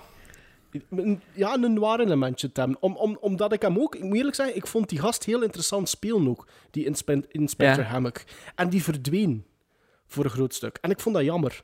En dus ik zat daar een beetje op mijn honger te wachten, eh, op mijn honger te zitten. En ik dacht van ja, shit, ik had het misschien liever allemaal anders gehad. Waardoor dat mijn beleving van de film ook iets minder werd. Maar dan gingen we richting finale. En dan zeg ik ja, de laatste 10, 15, zelfs 20 minuten. En dan was ik heel aan het denken van... God, die film zit eigenlijk heel goed in elkaar. En ik denk ik dat ik eigenlijk iets te sceptisch was terwijl dat ik bezig was met kijken. Terwijl dat ik op het einde van de rit zoiets had van... Goh, eigenlijk zou ik die nog een keer moeten bekijken. Ja, ja, ik snap het. Ja, Voor, dat- dat- nog meer, voor het misschien beter... Ja, meer te beleven. Of beter te beleven. Eh, ik zou hem nog eens een tweede keer willen bekijken, omdat ik zo... Allee, onder de indruk was de eerste keer dat ik denk van, ik heb nog veel te veel gemist. Omdat, Ja. ik, omdat ik echt mijn... Ik was mee op die appeal, die een... Ik, ik- ik- een beetje de. Pur- Purple Rose of Cairo. Ik zat precies zo in de cinema en zo... Maar in die tijd ook zo van, wow, my, hoe is deze? En wat ik ook wel goed vond aan, aan Hold Back the Dawn, is dat als we dan terug in die, de, de eerste setting komen van de proloog, is dat er nog zo'n klein epiloogje Ja. is. Dat je terug gaat naar Tijuana. Dat vond ik heel goed. Maar ik vind ook wat dat Bart zegt. Het is een beetje zeemzoeterig, hè? De laatste 30 seconden. Ja, Dat kan, dat passeert ook voor mij. Hè? Dat kan, hè? Eh, Maar dat mag wel. ja, het had ook een andere afhandeling kunnen zijn voor dat personage. En dat zou mij ook niet gestoord hebben Ah ja, dat hij een andere keuze maakt. dat hij bijvoorbeeld een andere keuze maakt. Of dat, of dat Of dat er voor al wat anders uit ja, voilà. Niet per se de laatste minuut. Ja, voilà, de, laatste 15 minuten, de laatste 15 minuten vind ik zo. Maar ik had dat niet zien aankomen. Ik dacht echt van... Ik had, ik, ik, ik had het einde op een of andere manier... Allee, het einde. Ik, ik had zijn een boog die hem mokt, Charles Boyer. Mhm. Maar had ik niet verwacht. En wel, die boog vond ik juist goed. Ja, Die ik ook. vond ik, ik juist maar goed. ik had die niet verwacht. Nee, maar daar, daar ook... Ik vond dat dat einde dan een beetje ook... Het staat er niet haaks op. Het, is, het, is, het, is, het, staat, er niet, ja, het staat er niet haaks op, maar het, het hoefde niet voor Het is mij. een happy passeert. end. Ja, dat is waar. Ik kan juist zeggen, het is ook een Tweede Wereldoorlog-film. hè. Allee, Ja. tijdens Ja. de Tweede Wereldoorlog. hè. Ja. Mensen nou wel nodig aan escapisme En waarschijnlijk. aan nog meer dan- positivisme. Maar dus mijn, mijn, Positivisme. probleem, mijn grootste probleem was... Allee, de twee grootste probleem was, in tegenstelling tot jullie, ik had iets meer tijd nodig om Olivia de Havilland goed te vinden, omdat ik ook vind dat Ja, ze... maar ik snap, ik snap wat je wil zo. ze, ik vind ook dat ze veel sterker begint te spelen wanneer, vanaf het moment dat ze terugkomt. En veel interessanter wordt als personage. Ik vind de introductie van haar personage vind ik niet zo interessant. Nee, ik zo Nee, ik ook niet. Het staat ook een beetje haaks op, op wat er later van haar te weten komt. Inderdaad, ja, voilà, dat vind ik ook. Dus, dus dat, en ik, ik zelfs al, al verloopt de film niet zoals dat ik had gedacht, omdat ik moest denken aan The Running Man, had ik toch iets meer van die Inspector Hammock nog willen zien. Ja, ja. Dus dat zijn mijn twee kleine Maar de scène, de scène tussen de Havilland en tussen Paulette Goddard is toch... Is toch Ja, dat is even fantastisch. Twee actrices die even... Amai, klasse, klasse, klasse, hè? Ja, en dan hoe Is, dat... is, dat wanneer, is dat wanneer dat ze zegt dat ze haar boel aan het pakken is tegen, Ja. die, tegen die eh, Ja. aan de Ja, deur? en, dan, ja. en dat ze zei van, eh, geef me een ring eens terug. Ja. amai, dat vond ik en ook omdat die fantastisch. scène daar verder uitdraait. Ja, dus, dus, maar het is een hey, scène in twee Ze delen, gaat hè? dan naar beneden, ze gaat naar beneden. dat, Ja. ja. Ja, ja, dat vind ik, ja, ik vond dat een hele sterke scène. Dus al bij al, ik vond zeker niet slecht. Zeker niet slecht. Ik ben blij dat ik, dat ik die editie heb. En eigenlijk zou ik hem nog een keer moeten bekijken. Dus ik Snap denk ik. eigenlijk dat mijn score dat ik nu geef, het aantal gizmos dat ik straks geef, misschien Dat er rek op zit. ja, voorbarig is. Ja. Maar kijk. Oké, ja. En, nee. Sven, hoeveel heb je dat gegeven? Oeh, ik niet eerst, of wat? Oh ja, waarom je het hoogste gegeven. Nee, ja. Ja, voor mij is dat een mooie seal. Echt. Voor mij Ah, ja. is dat een mooie 7 na first time viewing. Bij mij een 6,5, dus ik denk dat we allemaal ongeveer Ja, dezelfde wel. golflengte Ja, zijn. Nou, nee. Maar, onze, on- onze, maar ja, onze eiking is toch altijd anders? Onze eiking is anders, ja. Maar ik vind deze komt bij mij binnen zo, allez, met stip. Zo, zo maar justjes zo. Justjes zo, hè. Ik, ik Ah, ja. weet, ik, voor mij weet ik niet of dat er een seal in zit, maar ik denk wel dat hij nog een beetje kan stijgen. Dus ik- het zou me verbazen dat hij naar 8 gaat, maar misschien is 7,5 bijvoorbeeld dan voor mij meer accuraat.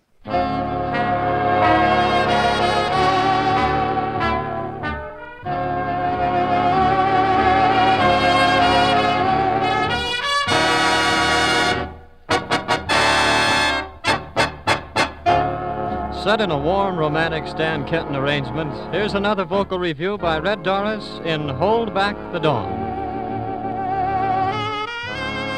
De volgende film dat eh, mijn vrienden me aangeraden is eh, een aanrader van Ed, Edgar, Edgar Allan Poe, ging ik zeggen, maar dat is hem niet. hè. Edgar Wright, Edgar Wright, de regisseur van eh, Scott Pilgrim eh, versus the World, Shaun of the Dead, Hot Fuzz, eh, The World's End of At the World's End? At Ik World's End, denk ik, ja. At the World's End en eh, Baby Driver is van Ja, Baby Driver, ja. Baby Driver. Eh, Ice Cold and Alex had hij aangeraden. Dat is een film van 1958, een Britse film. I- Van een hu... blieft? Ice Cold in Alex, hè? Ja, Ice Cold and Alex. Ja. Nee. zeker, zeker als je dat zegt, klinkt dat precies altijd Ice Cold and Alex. Ah ja, nee, Ice Cold in Alex. Dat meisje. Ehm, nee, van 1958. Een film van 2 uur en 10 minuten. Van, van Sven, me nog niet onderbreken. Van J. Lee Thompson. En J. Lee Thompson, dus, eh, dus een vroege film in zijn carrière, Ice Cold in Alex.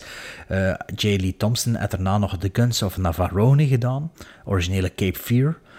Conquest and Battle of the Planet of the Apes. En Sven, speciaal voor u ook. Dead Wish 4, 10 to Midnight, Murphy's Law, King Solomon's Mines en Firewalker. Firewalker! En, en die laatste vier of vijf zijn al voor u reden genoeg voor deze film te willen Zal zien. zijn.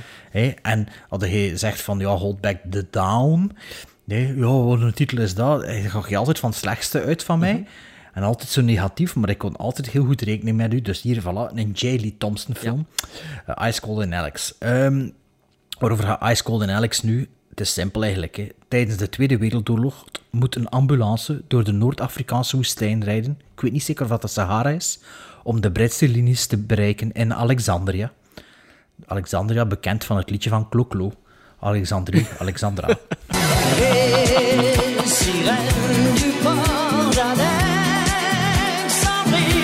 Ehm, wie speelt erin mee? Eh, de, de, de hoofdrol is we- weggelegd voor John Mills. Die kennen we van veel David Lean films, zoals Great Expectation, Ryan's Daughter en Hobson's Choice. Maar speelde ook in 1978 mee in eh, een film met Robert Mitchum, namelijk The Big Sleep. Een eh, remake of een eh, reïnterpretatie van de, van de noir-klassieker met Bogart. Ehm, Sylvia Sims speelt er ook in mee en ehm, die leeft nog en die acteert ook nog altijd. En die kennen we eh, van recent, allee, recent, ook de laatste 30 jaar, van The Queen en A Chorus of Disapproval. Met Steve Martin, is dat A Chorus of Disapproval? Nee, met, Ma- met dingen Michael Palin, volgens mij. Ah, Michael Palin, ja. Michael Palin. Wie speelt er nog in mee? Anthony Quayle? Q-U-A-Y-L-E. Hoe je dat uitspreken? Anthony Quayle is dat. Quill? Gelijk Dan Quayle. Ah ja, voilà. Anthony Quayle, die speelt mee in The Eagle Has Landed, The Guns of Navarone, Lawrence of Arabia en in Buster met Phil Collins. Daar hebben we het nog nooit over gehad, hè, voor die film. Nee. Of- Sven vindt dat een slechte heb dat film? niet gezien. Heb je dat niet gezien? Allee jong, zo'n geestige film. De jaren 80. Nee, nee, nee, nee, Brits, dat is eind jaren 80, denk ik. Dat is al jaren 90. Ja, dat is al- 88. Dat, dat is al jaren 90, ja. bekend.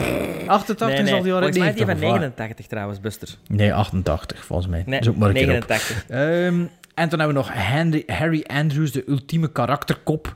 Harry Andrews, die we kennen uit The Hill met Sean Connery. Hawk the Slayer. En die speelt de Second Elders fan in Guilty. Superman. Superman. Hij zegt... Dead on the Now speelt hij ook mee. En die speelt ook mee in een film. eh, een remake van een noir-klassieker. Een film die in 1978 gemaakt is met Robert Mitchum. The Big Sleep speelt hij ook in mee. Ehm, dus ja, dat is zo'n beetje wat ik, eh, wat ik hier allemaal genoteerd heb. Ik ken, dat, ken dat allemaal zelf op het internet opgezocht. Dus ik weet dat niet allemaal van buiten. Maar ik ken dat op het internet opgezocht en gedeeld met jullie. En ik ben benieuwd eh, wat deze regie, regisseur-favoriet van Sven... wat hij eh, bij hem teweeg heeft gebracht met zijn eh, epos uit 1958. Ice Cold in Alex. In Alex, ja. Wel, ehm, er zijn zo van die films die, je, die, je opzet, die je opzet en waar dat je dan van denkt, oh god, zo'n film of... eh, Ah, tegenovergesteld. Ah, Wereldoorlog 2 film in zwart-wit. Een Engelse dan nog. Amai, amai, amai. Twee uur. Oh, ho, ho, ho, ho. Twee uur en tien. Twee uur en tien. Dus ik, eh, ik heb die opgezet. Ice Cold in Alex. En na vijf minuten dacht ik van... Nee, nee, ik kon eerst Hold Back the Downs in. Ik ben niet in de stemming om twee uur en tien in een, in een woestijn te zitten die dan zwart-wit is, die woestijn. Eh, en in het Engels... eh, en het was ook allemaal babbel, babbel in het begin. eh, ik, Ja, hij wil geen ondertitels aanzetten, jij, dus ja. ja, ik, ik, ik, ik, ik was niet mee. Echt een British, British World War movie. Dus ik heb dan eh, Hold Back the Down opgezet en dan kwam dat elfje. En daar wilde het nu even over hebben, of De wat? elfje kwam over mij helemaal mee. Dus ik dacht van, goede keuze, goede keuze. Dus, vandaag, as we speak, eh, moest ik dus meer dan drie vierde, want ik heb tegen Nolle gezegd, ik moet nog drie vierde zien. Maar eigenlijk Het was meer. dus 2 uur en 10 min 5 was een vijf- minuten. vijf- 95 honderdsten. Hè, want ze waren dan juist zo met die ambulance allemaal vertrokken en ik had zoiets van, "Eh, eh, waarom moeten ze nou weg? En wat is het probleem? En waarom zei hij niet een bastard? Ja, en waarom weet ik het einde nog niet? Het is lijkt mijn zoon hier. Zo, de film is nog maar begonnen, hij wil het al allemaal weten. Ja, maar nee. Echt het was- waar, mijn kinderen zijn ook zo. De film begint zo, ja, waarom doet hij dat? Waarom doet hij... Maar ja, wacht een keer, we gaan zo niet Ja, zien. maar ik zeg- ik weet ik dat ook ik- niet, we zijn samen aan het Ja, maar, ontdekken. ja, ik ben soms zo, ik ben soms zo. Ik heb zo van die momenten. Een klein jong, een klein Ja, jong. voilà. Dus ik denk, weet je, ik kon ik niet eh, starten waar ik gestopt ben, want ik, ik kan kanaal niet volgen. Dus ik kon gewoon terug die vijf minuten erbij pakken. hè. Maar ja, dat kun je Met, dan wel met doen, ondertitels. Voilà. Met de ondertitels moet dat toch wel. En ik dacht weer direct, als die muziek begon, dacht ik van... hey, godverdomme, zijn John Williams met je Star Wars. Dat begin is godverdomme gewoon Star Wars. Nee, Star Wars zal... Star Wars zal misschien Tadaa. Ice Cold en Alex zijn. Ja, maar ja. Is de, is de muziek niet van Jaar? Charles Jaar, of hoe Nee, noemt hij maar, dat? maar Richard. Nee. Ah, nee, nee, maar het is wel zo... Tadada, tadada, en dan is het normaal... tadada, tadada, maar dat komt dan niet. Maar die tadada, dat komt kleine dikwijls terug. Dus ik dacht, oké, somebody heeft deze film gezien. Ice Cold and Alex. Ik kon al beter volgen deze keer. Ik kon al beter volgen dat John Mills een alcoholprobleem heeft. Dat weten in de eerste vijf minuten. Dat een hij... Ah, dat er niet door de eerste Nee, keer die of waren wat? maar wel aan het babbelen en ik dacht, wat bedoel... Maar hoe laat was dat? Het begin zien was het kwart Nee, voor twaalf ik heb daarna Hold Back the Dawn gezien en... en, en Ah ja, ja, ja, hetzelfde moment Ja, nog, ja. Dus in Harry Andrews. En na vijf minuten dacht ik van... Damn, die stonden eigenlijk goed te spelen, die twee. Die hebben wel een chemistry en die zullen elkaar wel kennen van andere films. Ehm, dus ze moeten met hun, eh, met ambulance, want ze- zijn in het leger, maar ze zijn eh, eh, medische legermannen dan, denk ik. Maar dat is ook nog niet duidelijk. Hè, een kapitein en een ma- major sergeant, sergeant major. En moeten ze ook... Maar ik denk dat ze begeleidend, begeleidend waren meer. Ja, Ja, nee. de- in het begin wordt er toch gezegd dat ze al het ehm, verplegend personeel moet verdwijnen. En dat, er, dat de, de militie zelf moet, moet daar blijven, maar al het verplegend personeel moet weg. Ja, maar dan neemt... Maar die twee, ver- Maar die die twee, die twee zusters, allee, die twee Ja, die moeten ze oppikken. Die achtergebleven. moeten ze oppikken. Ja, die. Nee, die moeten ze af, afzetten. Ja, maar die pikken... Ze weten niet dat ze die moeten oppikken. Ineens moeten ze die oppikken. Nee, nee, Ja, ze- maar die ze- zitten ze- daar ook, ja, hè? Die zitten ergens vast. hè. Ze konden plots niet meer weg, waardoor dat zij dan de, de opdracht moeten om die verpleegsters... terug te brengen, omdat, ze, omdat die ene ja, het vliegtuig gemist En hij, heeft. vooral, hij vindt vooral heel plezant dat hij zijn, eh, zijn whisky kan meenemen ook, hè, dan John Mills. Want hij, hij heeft echt een probleem. En hij speelt dat ook heel goed. Op een gegeven moment begint hij echt zo te bibberen en zijn sigaret te pakken en zo. En dat je voelt van, oké, hij heeft dat echt nodig. Hij heeft dat echt nodig. Het is geen een dinges. Het is geen een eh, Oliver... Ehm, eh, wie was het weer? Under the Volcano? Albert Andrew, Finney. Albert, Albert Finney. Albert Finney. Die is anders gespeeld. Die is anders gespeeld. Ja. Ja. Eh, en dan pikken ze onderweg ook nog een eh, Zuid-Afrikaanse eh, officier op, gespeeld door Anthony Quayle, een South African. He talks a bit South African, like eh, South Af- Afrikaans. Afrikaners, like South Africans talk. Ja.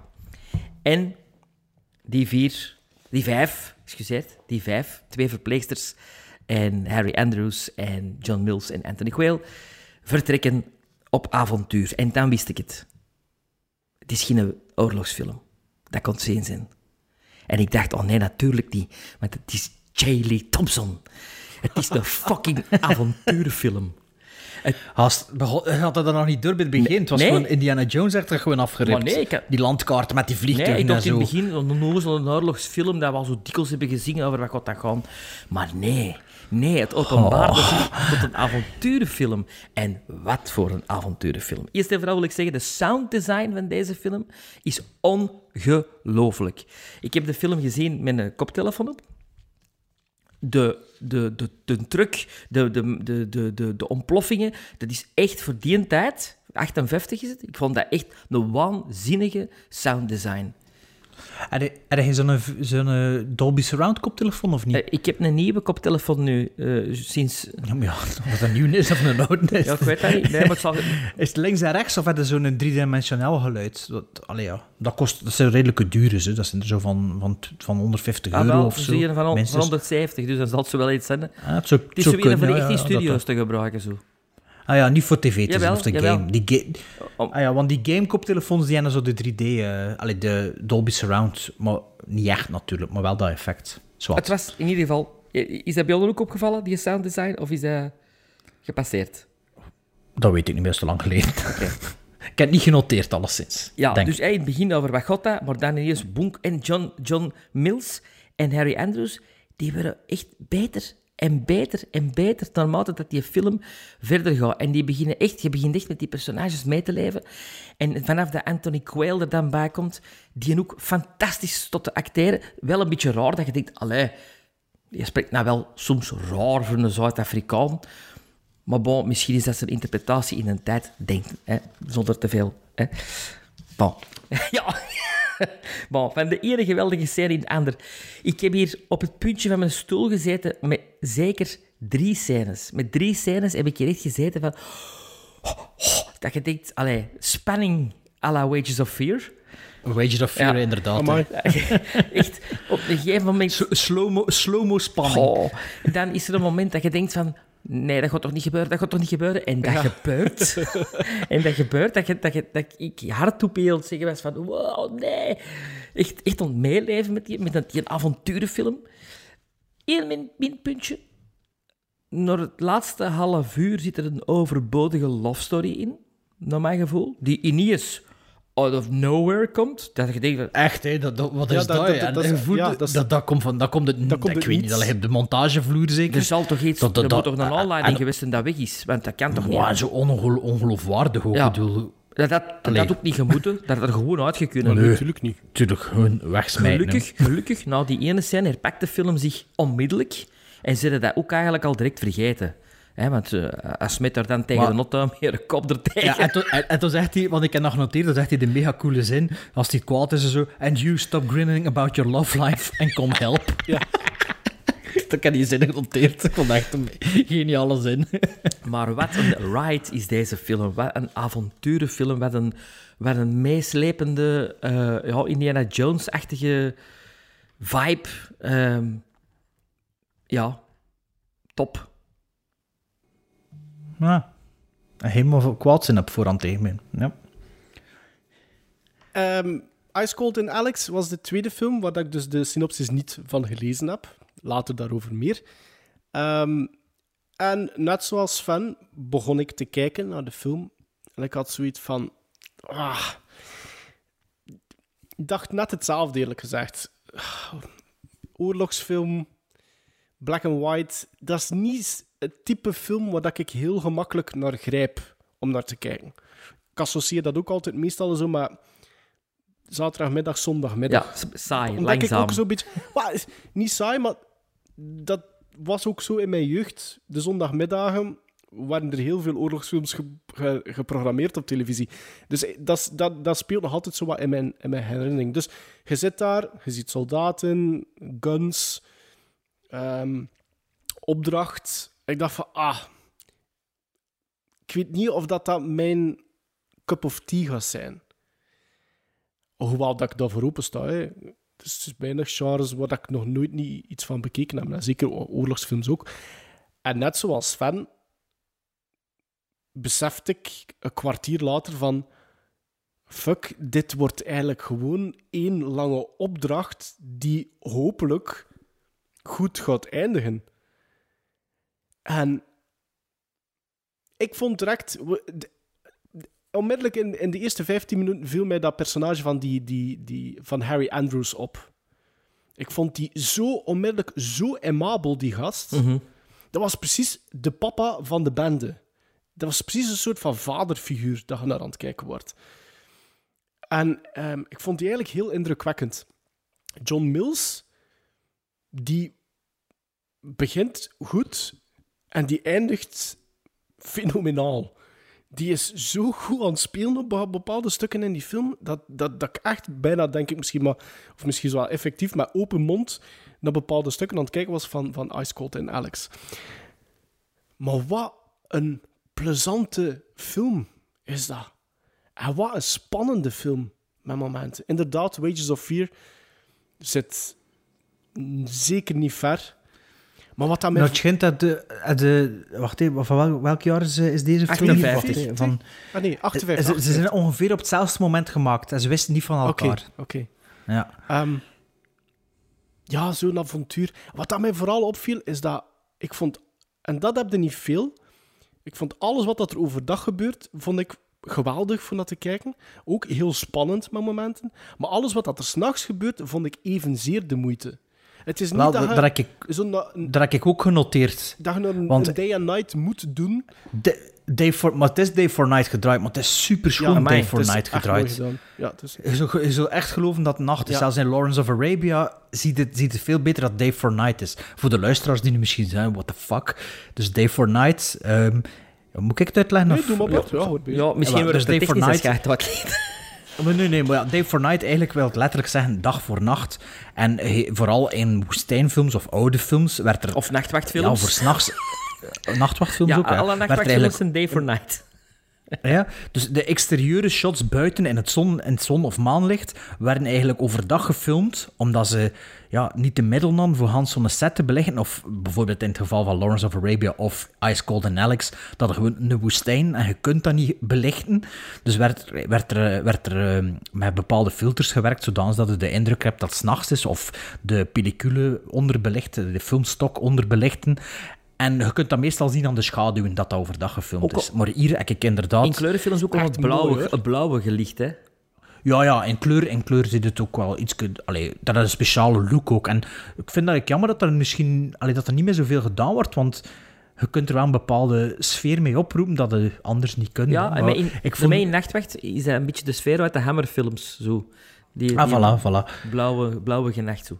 Omdat, omdat, kort gezegd, overdag, s'nachts film is veel goedkoper, hè, omdat je al, die, al dat licht niet moet huren en de elektriciteit niet voor moet voorzien en, en, enzovoort. Maar ik kan dat dus inderdaad ook genoteerd aan de nacht zijn, ze er ook fantastisch uitzien. Ja, het ziet er echt fantastisch uit. Niet alleen technisch, want je kunt dat eigenlijk doortrekken naar Hans de film. Want ik vond cinematografie van Ice Cold en Alex vond ik absoluut Ja, ja. de moeite. De montage van bepaalde suspense-stukken vond ik heel goed gedaan. In samenwerking dan met de, met de soundtrack en met de score natuurlijk. Ehm, maar gewoon ook eh, het, het, het, ehm, de content van wat dat er gebeurt, zowel overdag als 's nachts, vond ik over de Hanse lijn evenwaardig. Het, dat was overdag was spannend, s'nachts was spannend. De informatie dat je meekrijgt eh, overdag staat in correlatie met 's avonds en omgekeerd. Dat vond ik heel goed gedaan. En daar zijn er natuurlijk uitschieters, hè. zoals dat Sven daar juist zei. Die ene scène waar dat er zegt, oh nee, dat gaat nu toch niet gebeuren. Dat gaat toch niet gebeuren. En dat gebeurt dan. En Terwijl, dan... je, terwijl je eerst denkt... Ah, oké, ah, ja. Ja, Het is ja. gewoon een shot van de dingen. Ja, Oké. ja. En dan direct daarna... oh. En, en, en, en, en, en er zijn ook bepaalde stukken, en dan vooral dat bij uitstek natuurlijk, die ook heel lang gerokken wordt om die suspense op te bouwen. En dan, als je dat ziet gebeuren, dan is het van, oh nee, allemaal voor niets. En ook de manier waarop dat, dat dan afgehandeld wordt, vond ik ook heel indrukwekkend. Die John Mills, die hem daar dan ontpop, op, op, allee, ontpopt tot, tot de redder dan eigenlijk, die vijf minuten ervoor met zijn tong ehm, tegen zijn, zijn tenen zat, omdat hij zo uitgeput was. Ehm, maar alles aan Ice Cold en Alex, ik, ik vond dat echt een, een, een indrukwekkende first-time viewing. Ehm, alles... Dat is ook weer zo'n film die scenarioel heel sterk in elkaar zit, vind ik. Buiten dat geforceerde... Buiten Ja. die geforceerde Ja, dat is raar, hè. Dat is raar, hè. Ik denk dat twee Dat is ledig precies een is. producer's note Ik denk of dat zoiets. tweeledig Ik weet is. het niet. Ik denk dat enerzijds zal er effectief al iets gesneuveld zijn op de, on de cutting floor. Anderzijds denk ik dat ze toch bewust een, een, een, een, een, wouden teruggrijpen naar wat dat er gezegd wordt in de eerste twee minuten tussen die John Mills en zijn kapitein, is dat, die dan achter moet blijven. En dat is dan kwaad zijn, omdat hij hem verraden Ja, had of zo. Ja, ik denk dat, dat, dat er moest gezinspeeld worden daarop, omdat ze dan bijna in Alex waren aangekomen. Dus ik denk dat het tweeledig is. Dus, maar zoals als Sven ook zei, van, het passeert wel. Het, is, het voelt heel wrang aan, maar je loopt er wel mee weg, omdat... Wa- vooral omdat hij Die dan de scène kwinkslag, erachter ja, zegt... die kwink- And you stop Ja, Ja, voilà, dat your is love direct life. vergeten. En, en Maar ehm, ja, hoe goed staat iedereen dat te spelen? Ook die een, ehm, Dan, ehm, Anthony Quayle. Anthony Quayle, fantastisch De gewoon. introductie van die gast ook is, is al heel En je- fijn. En je kent ook, iedereen kent wel zo iemand die zo altijd zo'n degoutant lachje, die dus tot uit te lachen, waar je van denkt, oh gast, stopt of ik slag op een gezicht. Zo. En, en, Maar ik ken, ik ken zo'n mensen niet, maar ik zei zo in. Maar het fijne aan dat personage ook is dat er heel veel laagjes zijn aan dat personage. En Ja, je ja. wilt hem haten, of je wilt meer weten dan haat hem, maar dan zijn er bepaalde dingen dat hij doet. Bijvoorbeeld Gevoel- een stukje ge- met de krik. Waar De dat voelen. menselijkheid, hè. Ja, ja en Ja. een stukje met de krik bijvoorbeeld. Wat dat ook zo'n Goh, heel indrukwekkende scène, is. Slow-mo inderdaad ook. En, en, en, die, en die sounddesign ook, van dat kraken Ja, ja, van die stenen, is ja, kraken van zijn rug. Oh, Dat is, fantastisch. dat is ook zo, dat is ook moeilijk zijn. Dat is zo'n scène. Ik, ik heb dat nog niet veel gezien. Nee, ik ook niet. En dat vond ik zo... Wauw, ik zat echt ook, net zoals als Sven zei, ik zat ook op het puntje van mijn stoel. En ik vond dat heel leuk om te zien. En ik vond de afhandeling vond ik ook zo mooi op het einde. Mij. Een schone scène, hè. Eindscène. Alles wat dat er emotioneel op het einde. in die taverne, alleen die bar daar gebeurt, vond dat allemaal zo'n mooi striksken rond dat geheel. En dan, ja, helemaal, helemaal op het einde, wanneer Het dat hij nog eindbeeld. rap... Nee, nee, nee, wanneer Ah. dat hij nog rap iets Ja, wegpakt. Maar het Ja, eindbeeld ik- ook dat je bij, dat je bij Quail blijft, dat vond ik Ja. ook heel indrukwekkend. Ja. Dat je niet nog eens Ja. terug gaat, maar dat je bij hem blijft. Oh, Ja. kijk, dat deed me echt, daar krijg ik kiekenvlees van.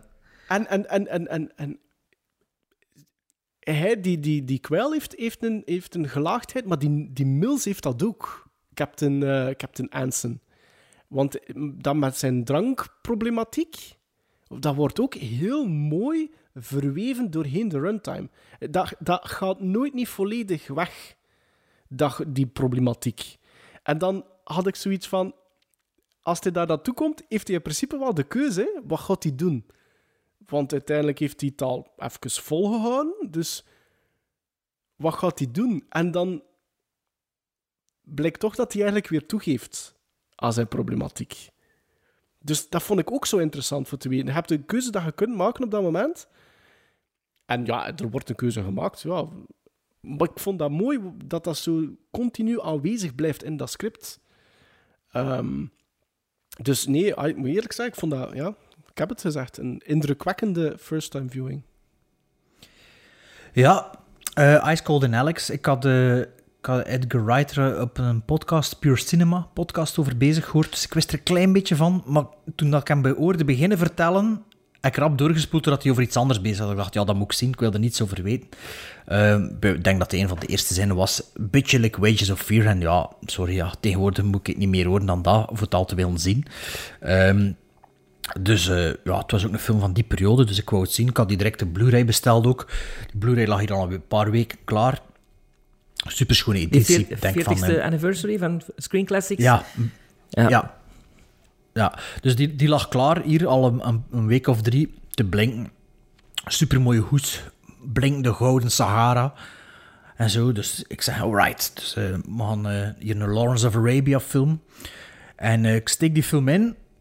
En mijn eerste ding is niet dat hij er... Hij had ook een soort verbazing, maar bij mij was het van... Ah, dat is niet in kleur of wat? Ik had me in technic aan Ja? Technicolor verwacht door die dvd-hoes Ah ja, ja, ja.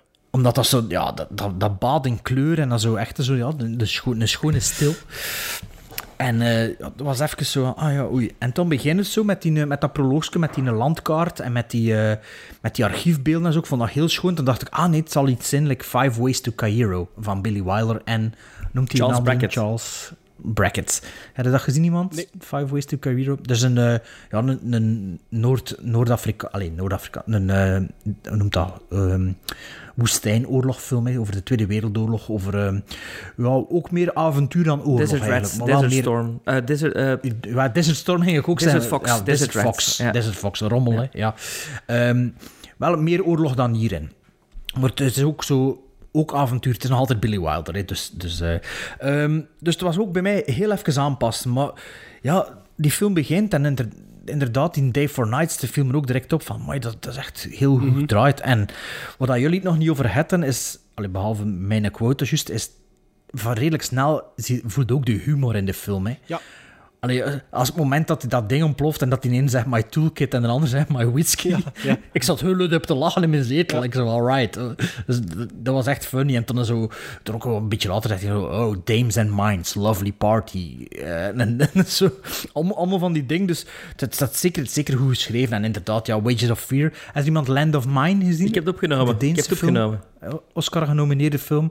Gaat over, over na de Tweede Wereldoorlog dat er eigenlijk Duitse ja, krijgsgevangenen of, eh, ja, of oorlogsgevangenen, ik weet niet of ze al krijgsgevangenen waren toen, die moesten alle stranden in Denemarken ontmijnen. En dat gaat dan over de bewaker van die, van die de kinderen zijn dat Mhm. Twee weken geleden bijna- was hij op Canvas, geloof ik. Ah, is Ja. waar? Ja. Ah ja, ja, ik heb die gezien op 14 uur stond die. Het is juist. Dus eh, misschien staat hij er nog altijd op. Ook een spannende film. Beetje te lang, maar zwart, het gaat nu niet over Land of Mine. Dus ehm, dat... Allee, eigenlijk wil ik zeggen, ik sluit me grotendeels aan bij alles dat hij er al gezegd hebt. Ik zeg gewoon nog wat andere dingetjes. Ik vond het ook chic dat iedereen zijn eigen taal sprak. Ik vind, dat, ik vind het altijd Ja, raar ja. Als, iedereen, E- als iedereen Engels spreekt in, een- in een Maar het is natuurlijk ook nood- Dus- noodzakelijk voor, voor de film, hè. ja, ja, ik weet het, maar ook als het niet noodzakelijk is, vind ik het altijd toffer als het wel gebeurt. Ehm, wat ik ook heel goed vind, is het allemaal goed te acteren, maar John Mills, ik vind op elk moment van de film, we weten hoe dat hij hem voelt. Niet alleen door zijn spel, maar ook door, Die ogen, door de die make-up ogen. en de ogen, de ogen. Wanneer dat hij zat is, wanneer dat hij zijn drank mist, wanneer dat hij fris is, Ja. wanneer dat hij erdoor zit. Je ziet allemaal... Ja, je ziet in zijn ogen eigenlijk het voornaamste, ehm, de voornaamste tool van een acteur natuurlijk, zijn, zijn de ogen. En het was me ook opgevallen. ehm, ja, toen hadden de scènes, hè, de, de, de, de, de mijnenveld, de, de drijfzand, de, de, de heuvel. De Ja, confrontaties al die- al die- met, met... Daar hebben we het ook nog niet Ja, over gehad. de Alle confrontaties Met de de Duitsers. Duitsers, die zijn allemaal Ja, het is al- fantastisch. altijd, altijd spannend. Eh, de suiker in de naft. Vond dat, dat- die, die reveal, Ja, dat was Spielberg. ja. Dat vond dat fantastisch. Dat zo, die, die eerst, eerst in een opbouw met die ontmoeting met die nomaden. En toen zo... Alleen normaal. En toen zie je zo dat die camera maakt dan die beweging. En toen zie je dat wat ze aan het doen zijn. Ik vond echt, vond echt fantastisch. Ehm, ja, de, de liefdescène, dat, dat is de grootste tang op een varken in heel die film. wrang. Ja. Beetje jammer. Een beetje jammer moest dat, moest dat er niet in zijn, want dat haalde me wel een beetje uit. Ik voel wel dat het... Ja, de spannende stukken zijn super spannend, maar voor mij zou het ietsje meer doorgetrokken mogen zijn. Soms valt de spanning wel weg. Op dat moment had het onder de spanning onder de personages wel, maar bijvoorbeeld voor dan weer over Wages of Fear te beginnen, daar had de spanning tussen de personages constant en ook de, andere, de overkoepelende spanning. En hier schommelde dat soms wel wat. Dat, dat vond ik wel een klein beetje jammer. En dat voor mij een klein beetje korter gemogen allemaal. Allee, zo tien minuutjes korter, links en rechts wat... Iets snedig. Ja, Ja. Iets snediger geweest zijn. En, eh, ja, en ook ja, een fantastische laatste scène. En dat, dat eigenlijk... Die laatste scène begint heel schoon. En er gebeurt eigenlijk nog veel in die laatste scène, of in die laatste setting. Absoluut. Dat eigenlijk nog... Dat, dat verhaal constant nog doet omslaan. En eh, ja... eh, aangenaam verrast. Ja, enorm aangenaam verrast. Kan ook een hele schone print natuurlijk. ehm met, die, met die ja, Blu-ray. er stond een interview met die Sylvia Sims Ah, nee. Wat ik gezien heb, zijn de, zijn de dinges, de, de home videobeelden van John van, Mills. eh, John Ah, Mills. wel, maar er stond ook een Ja. interview met Sylvia eh, Sim. eh, hoe heet ze? Sylvia Eh, Sims. wacht, Sylvia dan Sims. misschien ja. dat hij daar heeft hij verteld van waarom dat er misschien... Ah, ja, ja, ja. ja. Pff, Ik, ik zal het nooit zien, ze. Nee? Maar eh, Zie jij geen extra's? ik had... Wow, ik kan, kan veel te veel andere shit van dat te zien. Het moet dat, maar Wages of Fear ik ooit wel alle extra's bekeken. Ja. Maar het moet, moet echt iets zijn dat ik direct vanuit mijn sokken geblazen heb, voordat dat gebeurt. Ehm, maar eh, wat ging ik nu nog zeggen? Ehm, denk moest de film in Glorious Technicolor gedraaid zijn en eh, Panavision of zo. Ik weet niet of dat toen al bestond. Dan, dan was het voor mij waarschijnlijk eh, Minder. nog beter, Ja, nog beter nee, geweest. oh, Omdat- dat weet om- ik niet, hè. Ik weet dat ook niet. maar ik kan me verwachten, ik kan me verwachten aan zo'n film. Ah, ik, ik weet het niet. Ik weet het niet. ik had me verwacht aan een Wereldoorlog 2 Dat film. plaatje klopt nu voor mij. Ice Cold En- and Alex in Black and White. Dat, pla- dat plaatje klopt Ja. volgens mij. En ook zo een avonturenfilm met vier personages. Dat vind ik onwaarschijnlijk. Vijf. Dat, ja, ja, maar eigenlijk meer dan deel vier. Hè. I know, ja. Maar dat vind ik echt wel heel straf. Allee, dan denk ik van, damn, dat moeten we toch goed kunnen. Ah ja, torpedo. Ja, maar, dat is- ja, maar, maar echt zo met vier, met vier acteurs, maar dat vind ik fantastisch. Ja. Ik denk, Bart, wat, Ja, dat, de- dat- wat dat hij daar, daar, daar aanhoudt van dat ontbreken van de suspense voor u, ehm, is waarschijnlijk omdat... En dat daardoor zo'n beetje... Je wat ik Dat ga bedoel? ik wegbieden. Dat ga ik wegbieden, hè. Maar hij had al veel te veel spoilers gegeven voor die film, vind ik En sowieso. dan moeten de mensen maar doen gelijk als dat jij doet bij Edgar Wright, hè? Deurspelen. Ja, bij ons toch dat ze luisteren naar ons. Ja, dat is ook waar. En, en onze dingen is toch, we zijn spoiler-free. We Ik zijn toch niet klokslag Nee. 12 die alles Nee, nee, verklappen van de ik- eerste Ik wil seconde. nog wel iets Ja. zeggen over John Mills. Ja. Eh, ik heb mij gerealiseerd dat ik er veel te weinig van gezien heb. En ik, Ik ook. ik wil daar meer van zien van die man. Want dat is zo'n grote naam ook. Als je ziet wat hij allemaal gemokt heeft. En, en hoe dat men erover klapt ook. Hè. Eh, Dus ook de... de Guns, The Guns of Navarro heb ik bijvoorbeeld nog nooit gezien. Ik ook daar niet. speelt Ja, hij niet je mee, gezien, hè? John Mills. De- ah, John Mills, sorry, ik dacht dat je over eh, John Lee... J, de, J. Lee Thompson. Thompson. noemt hij J. Lee Wel, Thompson daar heb ik al veel van gezien. sorry. Maar ik bedoel, Ja, ja, bedoel, als sorry. acteur John Mills... ehm, ik, wil die, ik, wil die, ik wil er meer van zien. Dat is zo... gel- Heb jij er al veel David Lean films gezien? Nee. Ik, nee. Ja, jongen, dat zijn goede Ik films. het. Lawrence of dat heb ik Arabia vond gezien. hij En? Passage to Indian heb ik ook gezien. Ah ja, als er, eh, ja, Lawrence of Arabia vond hij pas goed toen hij het in het cinema Ja. gezien had, zeker. Dat, dat snap ik wel. Maar dat, eh, gelijk Great Expectations en zo. Oh. Oh ja, daar heb ik in het begin gezien. Dat vond ik wel zo. Maar like, ehm, Brief Encounter, heb je Nee. dat gezien? Dat is, dat is mega goed. Ja, dat... dat- is echt, dat doet ook geen uur en een half. Is dat ook niet John Het duurt Mills? 80 minuten. Nee, John Mills is, wacht, ik heb het hier genoteerd. Ryan's Daughter en Hobson's Choice. En ook Great Ja, Expectations. Ryan's hè. Daughter, dat schijnt zo onwaarschijnlijk goed te zijn. Hè? Maar dat is zoiets... Oh, daar moeten we echt aan zitten. Hè? Dr. Givago is ook zoiets. Ja, Ik ken hem hier al ja, tien jaar liggen ja, op DVD. Pff, Ja. drie uur en een half moet er ook hoestingen aan. Hè? Allee. Maar ik vind wel, Lawrence of Arabia, ik heb ergens de laatste paar jaar herbekeken en dat, dat, dat blijft toch ook nog Dat goede avonturenfilms. Ik vond hem ook de tweede keer beter dan de eerste keer dat ik die goed gezien Ja. De eerste keer ik zoiets van, goh ja, Ja. maar dat is, goed eigenlijk. Dus ja. Ja, en John Mills, wat, wat had hij nog? Wat had er nog op je watchlist staan van hem? Nee, ik heb, gezien, ik, hem? ik heb gezien waar dat ik hem in zou kunnen gezien hebben. En eh, ik heb hier een dvd liggen ehm, van de musical Cats. Maar dus niet van die verfilming, maar van, Juist, ja. maar van de... Er is ooit een, een, een eh, opname gebeurd... eh, Van op Broadway. Van op, nee, van in Londen eigenlijk. Maar echt met multicam en echt gewoon in beeld gebracht. Prachtige dingen. Ik heb die hier. En blijkbaar speelt hij daar de Old Theatre Cat in. Eh, wat dat Ian McKellen dus nu in de film doet, is John Mills eh, daar. Dus eh, Oké. ja. Dat is toch wat. ja, ik heb er niet veel van gezien, John Mills. Ah ja, oké. Ik dacht dat er nog iets in. Nee. Dat zegt, niet nog een DVD, Nee. maar eentje. Nee. Gizmos. Oké. Sven? Sven mag weer beginnen. Waarom moet ik, moet ik altijd beginnen? Omdat je altijd zo enthousiast zit en dan kunnen we misschien nog mee, mee misschien trekt ons nog mee naar boven, hè? Goed. Moest dat onnozel stoem scèneke er niet hebben ingezeten, was dat voor mij 10 op 10, maar nu is dat 9,5. Oh, holy shit. Had dat onnozel Seineken er niet in gezeten, was het een nog dikkere seal of approval geweest. Want voor mij is dat een 8 op 10. Ik denk dat we allemaal op dezelfde lijn zitten, want voor mij moest al een Nozel er niet in gezeten hebben, was dan een 8 op 10. En nu is dan een 7,5 op 10. Ja, sorry. Tjie toch. Tjie toch. Maar Ja, een 9,5, jong. Allee, jong, dat is, ik zeg gewoon, heel die film, gewoon, allee, dat, is, dat is Indiana Jones gewoon. Dat is hetzelfde, maar dat is, ja, ik vind dat echt wel straf. En, In en, Indiana Jones heeft meer tempo, hè? en pas op, Ja. voor, de, voor, de, Maar voor de runtime... voor de Indiana Jones filmachtige film te zien, maar Malone, Nee, maar- ja, inderdaad. Jongens, toch, god. Ik ga er een keer een special aan wijnen, denk ik. Ehm, nee, maar voor, voor 2 uur en 10... Dat, dat, die film heeft mij geen enkel moment verveeld. Mocht geen Nee, ik enkel heb hem ook in één, in één ruk uitgekeken. Ik. Ehm, Ja.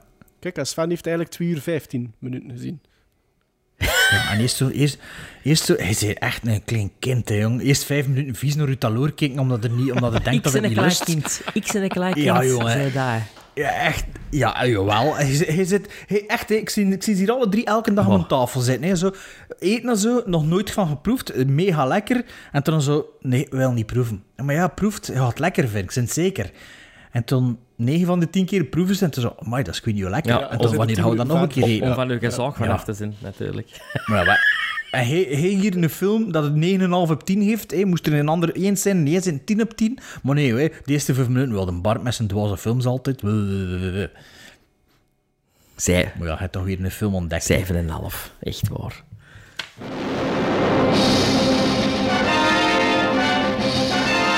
North Africa, the battlefield of giants.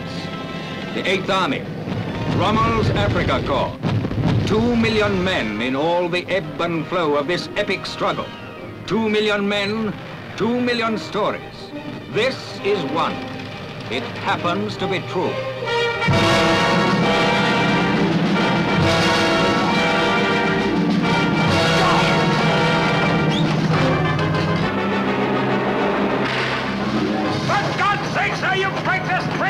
Shut up! Temper rough, judgment blurred by exhaustion and rattled nerves. His one determination to make Alexandria before they were killed or captured. I'm a drunk, you know that, don't you? You were trying to get us away. The next drink I have is gonna be a lager. Ice cold. De film, de derde film, die hadden je gekregen van de Quinten, hè? Quentin. Quentin, ja. Van de Quentin Tarantino. Ehm, Targets, een film uit 68. Ook een film waar ik nog nooit van had gehoord, zelfs. Ehm, en waar ik ook niks van mocht over opzoeken, had jij op voorhand gezegd. Ja, nu. Targets... Maar Maarten heeft dat wel gedaan, Ik blijkbaar. was dat blijkbaar... eh, ik was niet goed eh, aandachtig Ah. toen dat je dat zei, Bart. Oké, oké. Dus Targets is een Amerikaanse film uit 68 in een regie van Peter Bogdanovich. Peter Bogdanovich zijn regiedebuut, als het ware. Een ster uit de oude Amerikaanse horrorfilms, namelijk Byron Orlok, gespeeld door Boris Karloff, raakt ontstemd door het alledaagse leven dat hem erger lijkt dan zijn verouderde films. Ja, dat, Dat is het, hè? Allee, Ja, Meer kun je ik niet vertellen, dit- Maar meer kun je niet vertellen, ja. Ja, maar eigenlijk zeg je niets. Eigenlijk, eigenlijk had... Ja... Kun- kun- kun- Kunnen we toch eigenlijk iets vertellen over die film? Is een simultaan, vraag. simultaan heb je daar een zekere Tim O'Kelly. De, Dat kun je wel zeggen, ja. ja, de, Voilà, perf- ja. de perfecte, picture-perfect schoonzoon. eh, de, de, de picket fences, eh, jaren 50, eh, idyllische eh, eh, Amerikaanse all-star high school Jongeman, ja. jongeman. Ehm, Veteraan ook. Vietnam. Maar dat had ik niet door. Dat had Eh, ik niet door. Dat wordt nooit gezegd, ook niet. Nee, ik heb achteraf gelezen. Ik ook. Maar, Maar het, Ja. het is logisch. Het is logisch, ja. 68, hè, het is logisch. Het met een, een zeer eh, eh, gezonde Amerikaanse appetijt voor wapens. Ehm, die eigenlijk bij toeval, bij toeval, terwijl dat hij aan de overkant in een winkel staat, eh, aan de overkant de grote Byron Orlok ziet. Ja, dat is, dat is de, in de eerste vijf minuten van de film. ja, en die dan thuis komt en die zegt, zeg, weet jij wie dat ik gezien heb? Byron Orlok. Allee, Byron Orlok. Ja. Ja. Wie moet er Ja. beginnen? Ik. Oh, ja, misschien moet ook even de kader, nee, de film. Of gaat hij dat doen, maar Nee, Sven moet dat doen. De producer. En, en, ah ja, Roger en- Corman is de producer. En eh, Roger Corman, dat heb ik dan daarna allemaal opgezocht natuurlijk, hij had ehm, de gewoonte om beginnende filmregisseurs een kans te geven. En, Dat, wist je dat niet? Dat, wat dat, ja, wel, dat hij dat de deed. Joe Dante eh, is begonnen met trailers te monteren. Francis voor Roger Coppola. Francis Ford- Coppola, Ja. eh, dinges... eh, Zoveel. eh, Ja, dat wist ik ja, wel. Piet- Pieter... Ah ja, oké. Maar ik wist niet, ik wist niet dat hij dan ook dikwijls zei van, lustert, je moet een film regisseren, maar je moet er zoveel minuten uit een andere film van mij uitgebruiken. Als voorwaarde. Dat is dikwijls gebeurd, schijnt. En meestal kwamen Mhm. er dan nog slechtere horrorfilms uit. Ah ja, verwaterd op verwaterd. Dus nu moest Peter Bogdanovich 20 minuten uit De Terror gebruiken. Een eh, mediocre horrorfilm, dat schijnt, met Boris Karloff van Roger Corman. niet zo goed. Eh, plus, hij moest eh, zeker Boris Karloff nog twee dagen eh, laten komen draaien, want die had hem eigenlijk nog contractueel verplicht aan Roger Corman. Dus met die opdracht is eigenlijk Peter Bogdanovich begonnen en, Aan zijn script, en heeft eigenlijk de situatie omgedraaid. En, en in het begin had hij dat directeur, dat Peter Bogdanovich, die, die zelf ook meespeelt, ehm, die eigenlijk zichzelf speelt, die je een script wilt opdringen aan Boris Karloff. Omdat Boris Karloff, zijn, zijn personage, wil stoppen met filmen, maar Bogdanovich zei, maar ik heb nog één rol, ik heb nog de film, en Karloff heeft het gewoon niet gelezen. En je begint direct te denken van, wauw, dit is eigenlijk een beetje... Super meta, hè? Ja, het is, wat we aan het zien zijn, is misschien ook echt gebeurd. Hè? Mhm. Dat is een beetje de... Maar ja, ja en ook, ook dat Corman, Corman was natuurlijk verrast ook door het scenario, omdat normaal verwacht hij dan van zo'n gast en dat ze dan ook een soort gelijkfilm schrijven, waarvan de beelden dat ze moeten hergebruiken en er dan inderdaad een ander verhaal van maken, terwijl dat Bogdanovich hier gebruik gemaakt heeft van het concept film in een film. En eigenlijk de acteur ook, want Boris Karloff die eh, was voorzien voor twee dagen, maar die had uiteindelijk vier dagen gedaan. Ik denk zes dagen. Voor zijn, of zes, Zes- dagen voor zijn prijs van Omdat, twee. hem, omdat hem zelf zo, zo ongelooflijk een geweldig scenario vond. Ja. Ja, want Boris Karloff, in tegenstelling tot, hoe noemt hij Byron Orlak, eh, het personage, in tegenstelling tot, tot die, eh, was Boris Karloff wel tot het einde van zijn dagen vier op zijn carrière. absoluut. Hier is hij zo wat misnoegd natuurlijk, Ja. het personage. Ja. Het is een heel ander... Boris Karloff heeft trouwens een heel andere opvatting over zijn films als Bella Lugosi, hè? Die, die eigenlijk...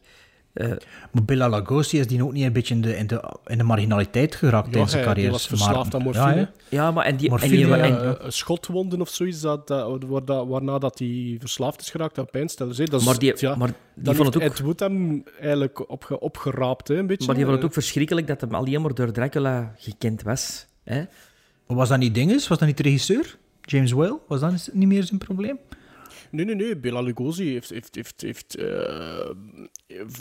hij heeft een haat-liefde verhouding altijd gehad met, Ja. met, met Dracula. Hè. Karloff niet, hè? Karloff vond Frankenstein Ja, Karloff Karloff was ook al rap de mummy, hè. Karloff heeft veel Ja, hij was ook de mummy en, en, en wat was die nog? Na de mummy. De, eh, hij heeft er nog zo'n classic gedaan, hè? Oh ja, maar dan De heeft hij Ghoul. meer... En de terror dan bijvoorbeeld, heeft, heeft veel meer... Na, na, f- eh, Karloff heeft, heeft, heeft de chance Ah, gehad... en Abbott en Costello heb hij ook heeft, heeft, heeft geluk gehad dat hij geen accent had, hè. Wat dat Bela Lugosi Ja. wel heeft, hè. Ja. Ah ja, en die komen te heeft hij veel gemakkelijker de overstap kunnen maken van monsters naar talkies, alleen naar, naar eh, rollen met dialoog, hè.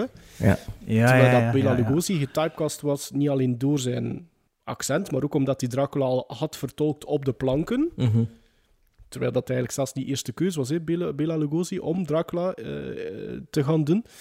Eh, maar dan is hij getypecast en dan vond hij dat jammer dat hij alleen maar daarvoor gevraagd werd. Maar als ze dan iemand anders Dracula deed, vond hij dat ook niet oké, want hij was Dracula. En ja, dan is dat een beetje downhill gegaan hè, met hem.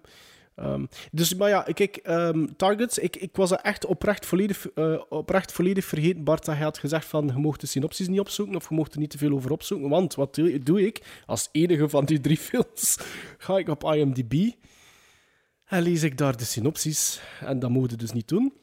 Oh nee. Ook omdat het... Ook omdat het Waarom doe je dat nu? omdat het Je moest toch naar die film kijken. ja, ik weet het niet waarom. Ik, ik- ja, misschien omdat de poster mij deed denken aan Straw Dogs of zoiets.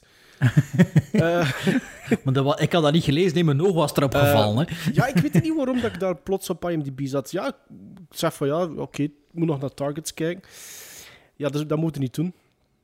Was, het, was het een spoiler? Wordt het allemaal spoilers? het makes de- no sense wat dat erop staat. Het klopt niet. Ah ja, op, op- niet op erg. Wikipedia, op jawel. Wikipedia staat in drie zinnen heel de film.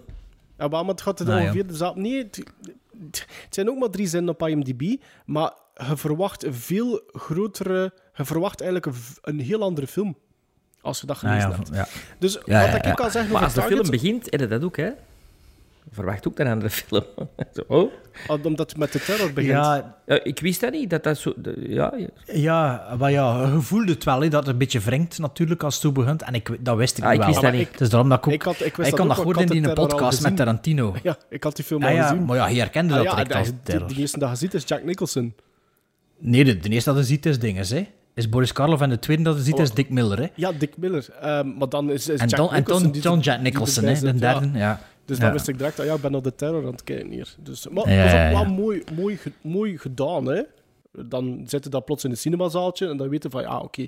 Ehm, Peter Bogda- Bogdanovich als Sammy Michaels, de regisseur, ik vind dat hij dat heel leuk speelt. Ik vind dat een heel aimabele gast die ik graag volgde.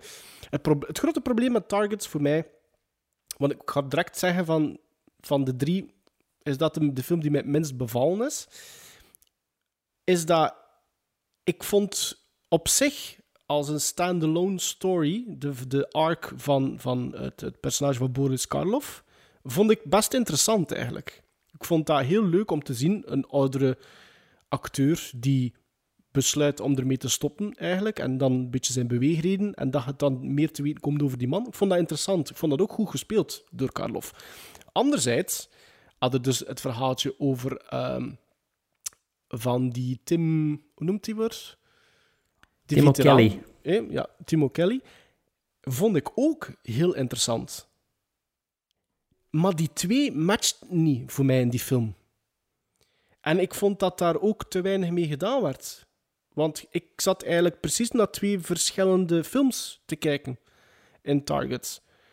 Terwijl dat ik aan het wachten was van oké, maar als je die introduceert en je introduceert hem, dan lijkt het mij ook logisch dat ik naar een andere film zou zitten kijken.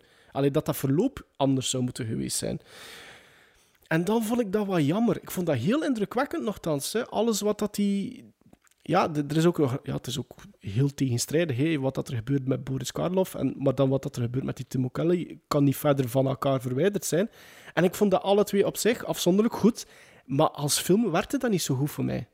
Ik snap wel de, de, de social commentary en eh, de, de, het veranderen van de, de wereld en de maatschappij en society die, die anders wordt. En dan heb je een, een veterane acteur die zijn wereld ook verandert, omdat hij vindt dat hij er niet meer bij hoort. En I get it, maar die twee matchen voor mij niet, die verhaallijn.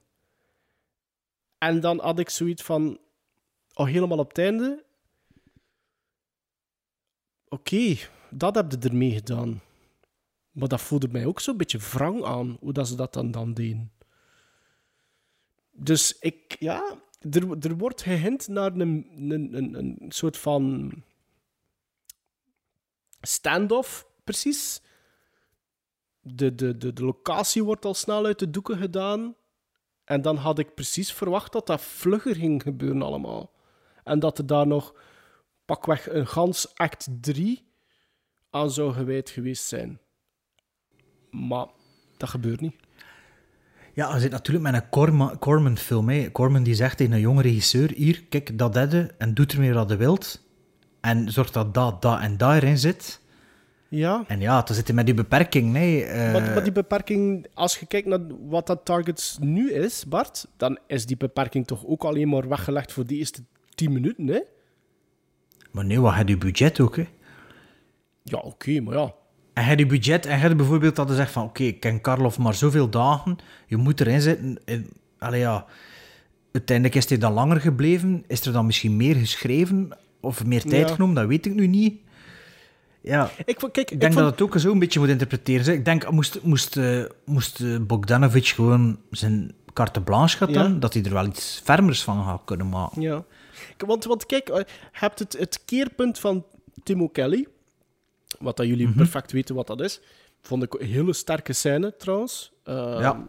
Ik vond ook het, het, hetgeen dat hij op een gegeven moment schrijft, vond ik ook heel indrukwekkend. Een perfecte transitie eigenlijk om verder te gaan in die film. En dan had ik eigenlijk, voor mij, kon dat dan eigenlijk al naar de locatie van, van, van het einde geweest zijn, van daar af aan. Zonder de autostrade Ja. bedoelde. Ja, ja. Mhm. Ja, misschien wel, ja. Omdat ik had gehoopt van, van ja, dat daar iets meer mee gedaan ging worden. En dat he- heeft inderdaad misschien te maken met beperkingen, want nu had ik zoiets van, ik ben naar twee films in één aan het kijken die eigenlijk gewoon niet matchen met elkaar. En dat gevoel is bij mij heel de film gebleven. Vond je dan de autostrade overbodig? Ik vond het niet overbodig. Ik, ik, vond dat, ik, ik zeg het, ik vond dat alles wat dat er met die Timo Kelly te maken heeft, vond ik sterk. En de shots zijn sterk. En wat dat er gebeurt emotioneel, vond ik goed. Maar het was meer, het was meer een Twix, twee, twee Ja. kanten in één zakje. Ja. En ja, dat, dat, die, Of een mix, kinderbueno.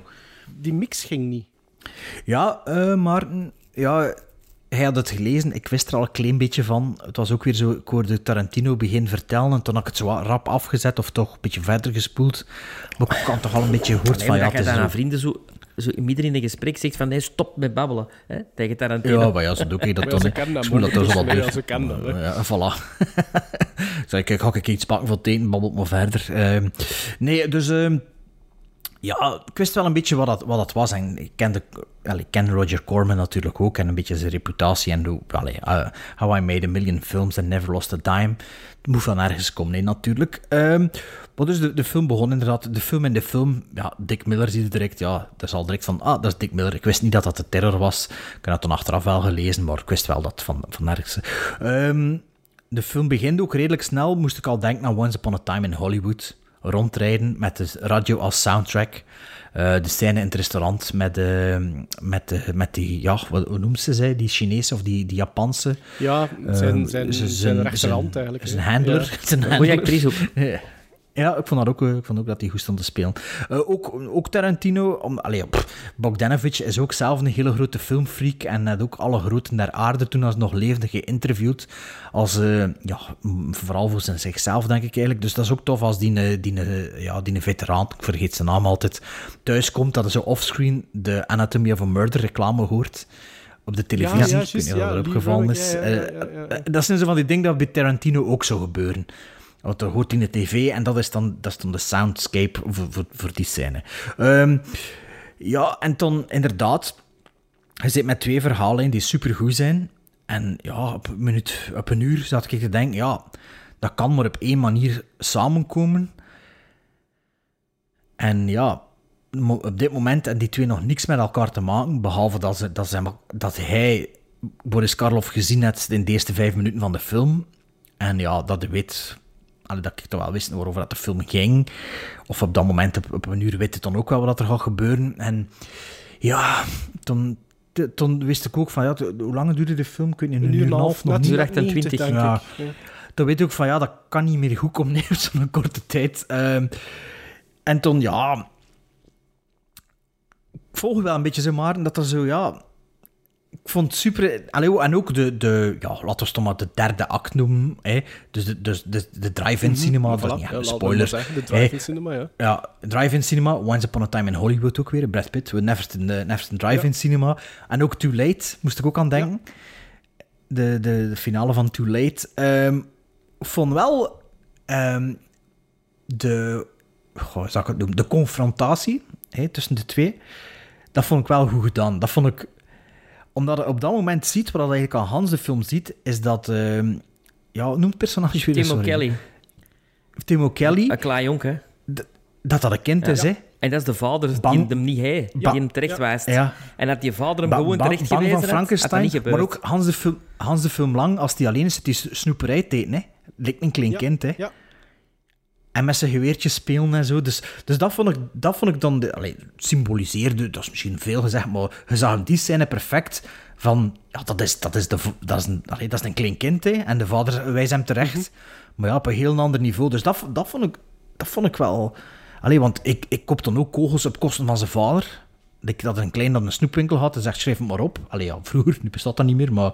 Goeie, goeie zo, komt het wel betalen. ook. Ja, ook goede scènes. Veel goede mm -hmm. scènes. En, maar ja, je, je, je, voelt dat dat wel een beetje... Ja, dat dat met trekken en sleuren gemaakt is. Hè. Het is wel jammer, want dat veel spannender kunnen Amai. zijn. En, en, ja, en het was een two-minute warning of een Black Sunday ja. of, of, of nog straffers kunnen kun het. Want, en, en, je volgt mij wel, hè, want uiteindelijk, het is zoals dat hij zegt, beide hoofdpersonages ontmoeten elkaar, allez, ontmoeten elkaar voor de kijker na vijf minuten. De drive-in wordt in de eerste tien minuten al genoemd. En dan weet je gewoon dat je daar... Allez, je zit daar naartoe aan het werken, want het kan niet anders. Hè. Ja, dus alle het kan niet anders, op tafel, maar toch duurt het dan nog zo lang, weet je wel? Ja, maar, maar dus, dus eigenlijk is mijn eindconclusie een beetje... Ja, wat ik, allee, eindconclusie, de film had ook niet echt een einde. Allee, ja, er is een confrontatie en dan is er wat gedaan. Er zitten ook niet zoveel verrassingen in de film. Je zit gewoon zo along the road. Maar ik vind wel, ik vind wel een heel, ik vind de straf debuut en, en allee, zeker gezien de beperking klopt, en al. Dus, klopt. uh, en de social, de social commentary erin, ja, het is nog voor, voor Easy Rider natuurlijk, is van. Um, voor Easy Rider en, en, en ja, het is allemaal nog niet zo radicaal dan dat het een paar jaar later wordt. Maar je voelt wel dat er een beetje in zit. Niet radicaal? Dat is toch niet zo, dat is toch niet zo radicaal dan, dan, dan, dan wanneer dat de hippies en, en eh, allee, ik vind dat niet, hè. Ik vind dat, dat het is pas veel, allee, veel later niet, maar twee jaar later dat echt uh, full-blown uh, mensen en allemaal was, hè. Maar ja. Qua filmtaal vind ik deze toch heel radicaal voor in die tijd. Hè? Ja? Ja. Wat vond jij ervan, Sven, dan? Ah, wel, radicaal. Ja. Eh, nee, ja, dat begint en, en eh, ik had zoiets oei, oh, oh, wat dat... Ja, het is van de eerste minuut dat het even erbij moest zijn, hè, met uw dag. Want het is horrorfilm? anders... Oké, ja. Ehm want zo wordt hem ook dikwijls gezegd, hè, is een horrorfilm, een Amerikaanse horrorfilm. Dus je dacht, oké, eh, zit dan in de, in, de sfeer van de, van de gothic, maar dat is, dat is dus ja. niet. Hè. Je zit in een filmzaaltje, vond ik heel goed gevonden. Vond ik eh, heel toffe premissen, toffe settings. Ook het, het feit dat een Boris Karloff eh, zegt dat eh, de films die hij gemaakt heeft, dat de, de mensen er geen schrik niet meer van hebben. Eh, en dat je dan eh, langs de andere kant de Timo Kelly ziet, eh, met, met guns en met wapens. En, Ja, they, they saw the real thing. in Vietnam. Ja, ja. in Vietnam, hè, Dat wist ik tuurlijk, ja. nog niet, dat dat een Vietnam-veteraan was, natuurlijk. Ehm, maar ik voel, ik, je voelt wel direct zo de tegenstellingen. Dat het echt een horror, het, het, het hier en nu is en niet meer de Frankenstein-horror. Eh, ook zeer actueel weer al. Hè? Ehm, maar ik kan wel wat volgen, dat, wat ik al alle twee zegt, vind ik ook wel dat het twee films zijn die nergens op een gegeven moment een saus vinden. Zijn zo... Er zit geen cohesie behalve, dus die ene, behalve die ene scène, hè, de confrontaties. Ja. En dat vind ik wel, dat, is- dat vind ik wel dan Maar het is wel goed vlees en het zijn goede groenten. Hè? Of in uw geval dan goede patatten en goede Een groenten. Twix. Hè? Ah, nee. Maar het is zo, er zit zo... Op dat bord in het midden is er zo geen saus die bij de twee dingen past. Dat Ja, klopt. Ja, ja, ja. Maar de manier waarop dat de killings eh, op drie verschillende momenten worden getoond. Eén, vanuit de point of view van de killer. Die eerste shooting eh, in huis, dat vond ik heel wow. Heel in your face, relentless. Left and to the back. Pas op, en, en, en de suspense van die scène is mooi opgebouwd. Hè? We hadden Ja. al eerst al de confrontatie met eh, de vader. De dag ervoor. Ja, met, Ja. zijn, met Ja. de vader, waar, dat hij, ook, waar dat hij dan serieus onder zijn kloten krijgt, Timo Kelly. Ja. Wat ik Ja. heel goed vond. Dan heb je eigenlijk een incentive dat hij eigenlijk al s'avonds iets zou doen. En dan wordt dat nog een keer uitgesteld. En dan s'morgens... Ja, alleen ik vond dat. Pas Ja. op, ik zeg het, is dat, dat, het is dat, dat ik zeg. De, de beide verhaallijnen zijn goed, hè? En wel, dat vond er ik... Maar hele dat vond ik sterke scènes in. En dan de, de shooting op de autostrade vond ik waanzin. Ik vond dat echt... je hebt daarna gelezen dat dat dus echt gebeurd is. Dat dat gebaseerd is Ja, op een ik vond dat een beetje, ik vond dat een beetje traag gefilmd. Allee, ik jong. weet niet, of traag gemonteerd. Ik vond dat, ja, Ik vond dat echt... ik miste re- zo wat meer in de actie. Allee, jong, ik vond dat standen- real life. Ik, vond dat, ik, ik, zat precies te, ik zat precies te zien naar zo iemand die dan zoiets doet en, en gevolgd dat dan op de livestream. Dat vond ik echt heel Ja, confronterend. Ja, ja dat Heel- klopt wel. Ik vind dat, ja, dat klopt wel. Eh, dus dat eh, vond ik ook heel... ehm wat was het woord? Dat me er juist... Pedant. Nee. Pedant? Nee. het, het woord, allee, eh, radicaal. Ik vond dat een hele radicale scène. Eh, ook dat die mensen gerokt worden en die auto's die dan... zo- Ik vond dat, ja, ik vond dat echt... Wat, het moment dat die vrouw wegloopt, is wel, Amai. is wel cool. Hè? Ja. Allee, en cool. mij heel ja. hard denken aan Zapruder ook. En aan Kennedy shootings. Ah, ja, wat zei ik dan? Left and to the back? Of wat was het? Ah, ja, JFK. Ja, ja. Left Ja? and to the Wat- back. Wat zegt hij weer? Left Left and to the back, back? ja. Nee, left and to the Ja. back. Maar dat, dat was ook zo... Die, op zo'n heuveltje... Allee, het me er allemaal aan denken. En het kwam in die periode dan waarschijnlijk van Vietnam. En, van, en dan de, de, de, de finale in, een, in, de, in de drive, drive in cinema. Vond ik ook heel... Ja... War. De warzone. Ja, dat is dingen, hè. Dat- is, eh, ja, easy, hè. yes, hè. Man, dat is... Allee, Ik vond dat echt... je kunt niet weg, hè. Je Nee, zit er. Ik vond dat echt heel confronterend en heel... En het eindbeeld vond ik onwaarschijnlijk schoon. Oh, dat weet Dat ik al die auto's weg zijn, dat je alleen zijn de auto... Ah, ja, ja, Dus ja, Ik vond dat echt... Ja. Dus ik ben... is- dingen, het is- vreemd. De Coen Brothers zijn dat shot gestolen. Ja? Fargo. Fargo zit er zo'n shot, hè. Die parken. Dat is te lang geleden. Dat is te lang geleden. Oh, jongens. Ehm, wat ik nog ging vragen... eh, Maarten, hij misschien maar misschien wel, maar een drive-in, ik heb dat nog nooit Nee, gedaan. ik, wel. was, ik, was, ik was ook... Ik, hij wel ik was waarschijnlijk- Ja, het kijken vroeger en ik in zeg van, Zoersel, wauw, ik zou, dat, ik zou dat zo graag een keer doen. Ah, maar Ah, in in Halle was was het dat heel een bekend... En wij woonden in Halle Zoersel, dus dat was bijna... Allee, twee wekelijks. En was dat dan met een radiofrequentie? Of was dat dan met een box Nee, binnen? radiofrequentie, Een radiofrequentie. Ja, maar vroeger snapte ik niet, hoe kun je dat geluid door? Moet Maar dat je vensters naar beneden doen? ik heb- Maar eigenlijk is dat wel super handig voor mijn kinderen, hè? Allee, als Ja. ze nog heel klein zijn. Like dat in de film ook Maar ziet, volgens mij dat er ook kinderen liggen te hè. terugkomen ook, hè? Ah, maar ja, in Duitsland is er Ik alleen snap die niet eh, dat Kinepolis nog niet op dat idee is gekomen om dat op hun parkings na te doen. Ik snap dat niet. Ah, Ze ja, staan allemaal te slapen. Ze hebben de pluts, ze hebben een parking Ja, en ze doen het niet. Ah, ja, tuurlijk. Maar ja, ja. Ik zou dat wel Ja, graag ik- een ik keer weet het. doen. Ik zou dat- dat lijkt Ja, ik zou het zo- ook graag een keer Ik heb, doen. ik Maar heb die al gezien. hè. Ah, En, ja. en de States gedaan, Sven, of niet? Nee, nog niet. Alleen hier in Zoorsel. Ah, ja. Maar ik had gezien in een drive-in cinema in Zoorsel. Dat was de max. Ah, ja? Dat was de max. En hoe moet het dan betalen per persoon in de auto of per auto? Dat weet ik niet meer. Ah, maar Want ik heb, daar, ik, heb daar nog een, een dingetje van. Een, eh van, het, van het. Ja, Programma, een programma. Ik kan ik daar eens opzoeken. Ja, want ik, er is zo'n podcast, ik luister er niet elke keer naartoe, maar eh, zo'n, ik denk dat het een Canadese podcast is. En die gasten gaan heel veel, dus ze spre- bespreken ook altijd actuele films. En die zijn ook heel veel bezig dat ze hem in de drive-in gezien hebben. Dus die gaan nou nog altijd veel Ja, naar de dat drive-in. dat nog, hè? Maar ja, ja, maar het verschil is ook natuurlijk in de States, Sven, ja, je had ook het is er ook veel vroeger donker. Hè. Ja. Hier kun je in de zomer geen drive-in doen. Hè. Nee. Allee, het is pas 11 uur en het is donker. Ja. Ja. Ja. Of, of je zit met de zon in je ogen, dan is het ook wel een deel van de magie weg. Hè. Of het moet dan laat in augustus zijn. Ja, dat is waar. Dus dat is waar. Dus ik denk dat dat daarom ook wel marcheert. Ach wel, Canada is ook veel noordelijker. Hè. Ja. Het zal toch vroeger donker zijn in de winter. Het zal toch meer drive-in in de winter zijn. Enfin, ik was iets enthousiaster precies over Targets. Niet als geheel, maar wel zo... Die film heeft wel bij mij zo'n paar beelden dat ik denk van... Amai, ik, dat zijn iconische beelden die ik niet rap zal vergeten. Maar dat is inderdaad het probleem, want nu dat we erover aan babbelen zijn, zeg ik van ja, goh, eigenlijk was dat ook wel goed. En die scène was goed. En ja, en die scène was ook goed. Maar dat weet ik eigenlijk. Maar het is gewoon, ja, ik zei het, dat is, het is die cohesie tussen die twee dingen die mankeert voor mij. Waardoor dat je... Ja, uiteindelijk is dat ook wel uw film, hè. En Frank Marshall zit ook ergens in de film, heb je hem gezien? In, de, in, de, in, de, Ik in een van dat thuis of zo, hè. Ja, of in de drive-thru Ah, zelf, in de, achter, de, achter, de, nee, achter de, de concessiestand of zo, dacht ik. Ah, ik dacht weet in een auto. Ja, ik heb het gelezen, maar ik weet ook niet hoe dat die mensen eruit zien. Maar ik had, ik had wel al het begin gezien, stond hij ook al op de begin generiek als, ja, als decor of weet ik veel. Ik dacht toen al dat het dezelfde Frank Marshall zijn van eh, Tuurlijk. Indiana Jones. Hè? Ah, ja. natuurlijk. eh. ja. Ehm, ja, maar ik denk dat we alle drie wel allee, verrast zijn op een bepaalde Absoluut. manier, maar niet... eh, Allee, zal ik weer eens beginnen? niet- Allee, kom Sven. Allee, voor mij is dat een 7. Oh, Voor, voor mij, al- hoewel ik streng klonk, ik geef dat wel nog altijd een 6,5. ah, Maarten zit toch wat strenger dan ik, want ik geef dat ook een 6,5. Oh, oké. Ja.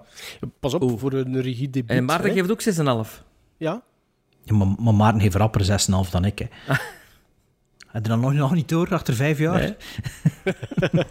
Gelijk dat ik, gelijk dat ik rapper een 9 geef, schallen, zeg. Ja, ja, of een 0. of een 1. Een één. Lex, Een 1 of een 9. extreemste touche.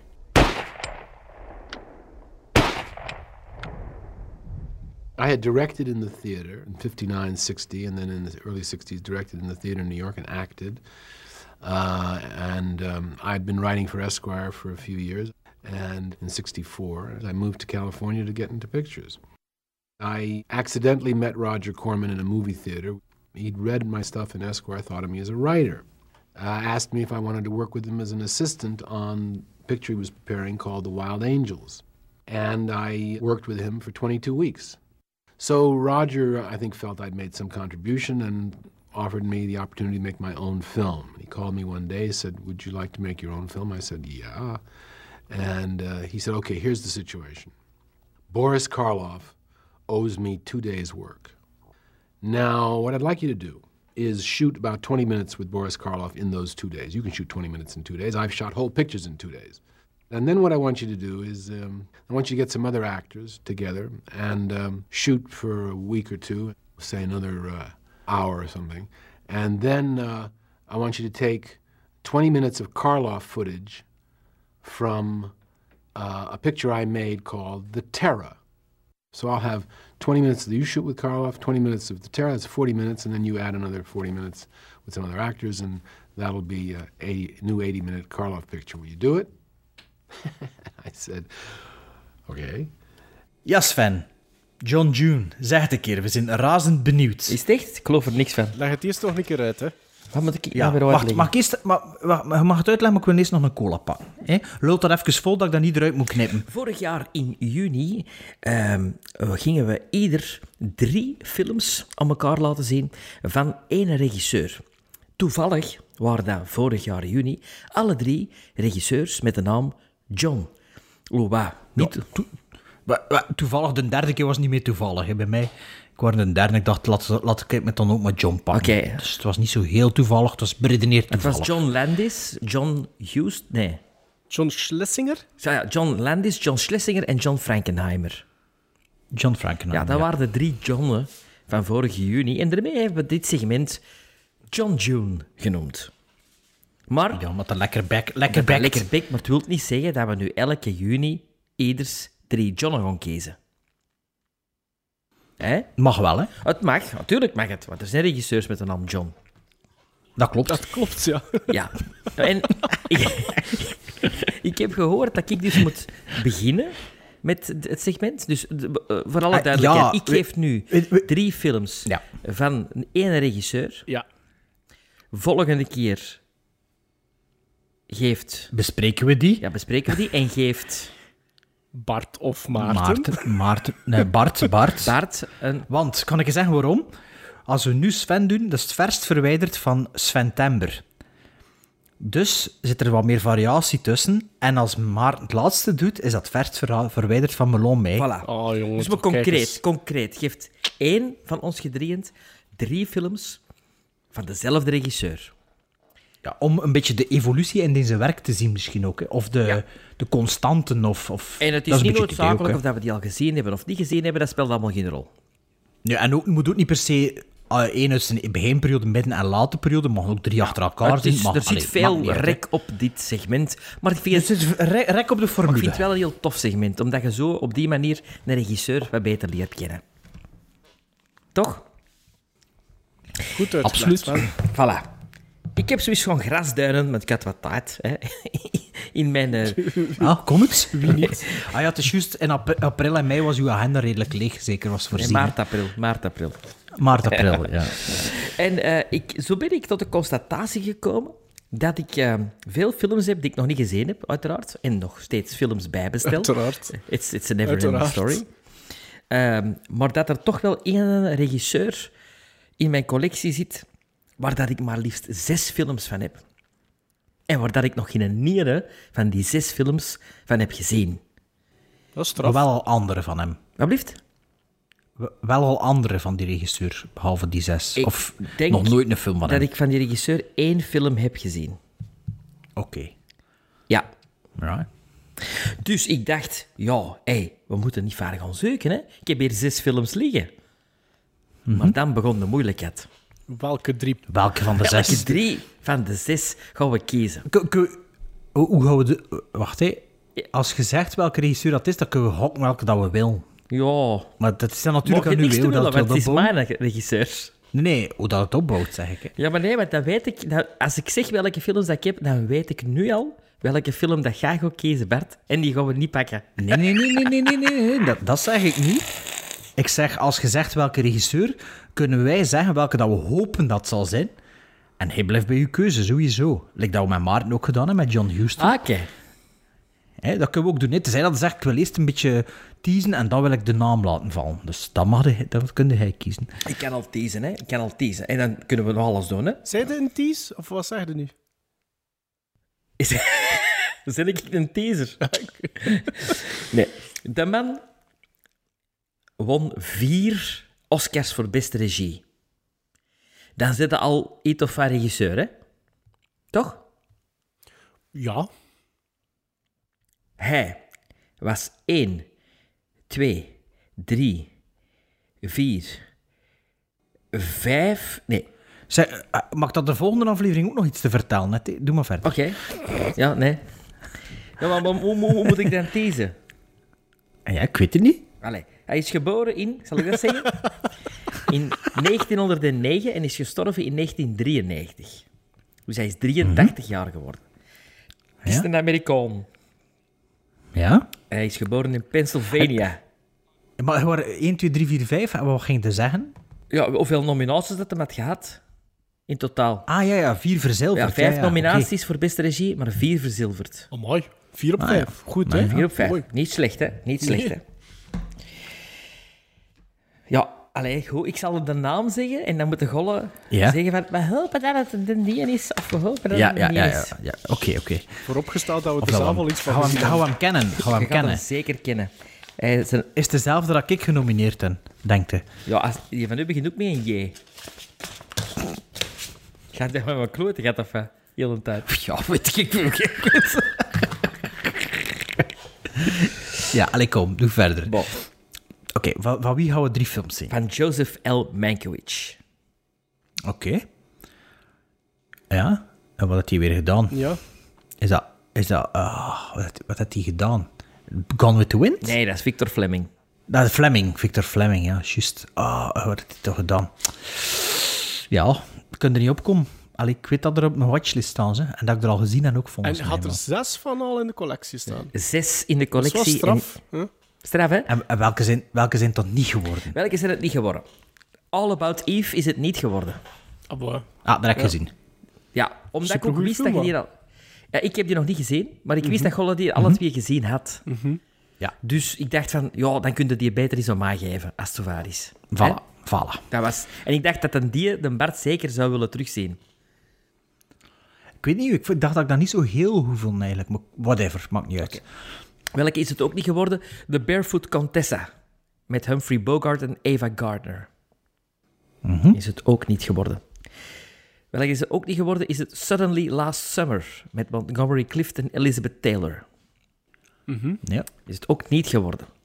Want ik heb ervoor gekozen om zijn eerste film zeker erbij te steken. En die is van 46. Dan hebben we een film van 47 en een film van 49. Dus drie films. Oeh. Uit- Ik ben, ik ben mega mijn jaren 40 Ja, trip ik in ook, momenteel. ik drie films uit de jaren 40. Ik zal de titels zeggen, ik kon er niet te veel over zeggen of, of wat. Nee. Nee, dat is voor volgende week, hè. Het is dat. Uit 46 zijn debuutfilm Dragon Wick. Ah, staat op mijn watchlist.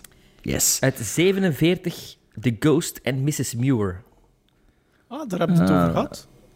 Je hebt het daarover Ja, gehad. Wacht, ik zal het ze beet zeggen.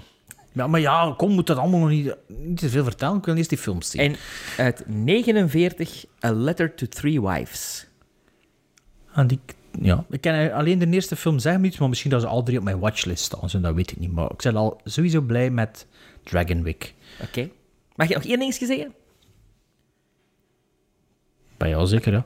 Eh, Waarom heb, heb je die namen al eens gehoord van The Ghost en van Dragon Week? Dat kan ik al zeggen. Omdat zowel in Dragon Week als The Ghost en Mrs. Muir Gene Turney meespeelt. Van Laura. Ja. Ah. Nee, want The Ghost and Mr. Muir had een keer aangehaald omdat je een andere film die een soort van parodie daarop was. The Ghost and Mr. Chicken. Voilà. Ah ja, dat was al lang. Dat was nog niet zo lang geleden. Ja, ja. Juist. Juist. Ah. Maar het komt allemaal samen. Oké, en wie noemt hij weer? Joseph? Joseph L. Mankiewicz. Joseph L. Mankiewicz. Oké, cool. Ik ben blij. Maar is hij blij? Ik ben blij.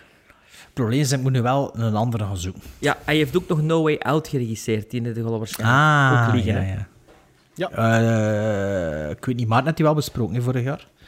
Top 10 first-time viewings? Niet? Ja, maar jij ook. Eh, nee. Oké, No Way Out? Even al getweet heeft hij... Heeft hij eh, Oh, ik weet het niet meer. Ik ook niet. Content? Content? Ja? Oké.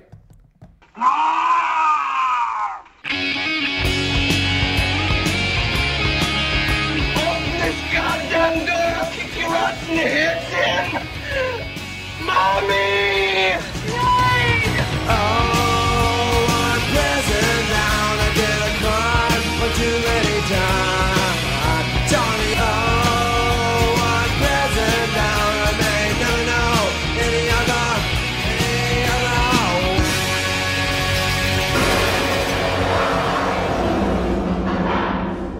Prison Bound.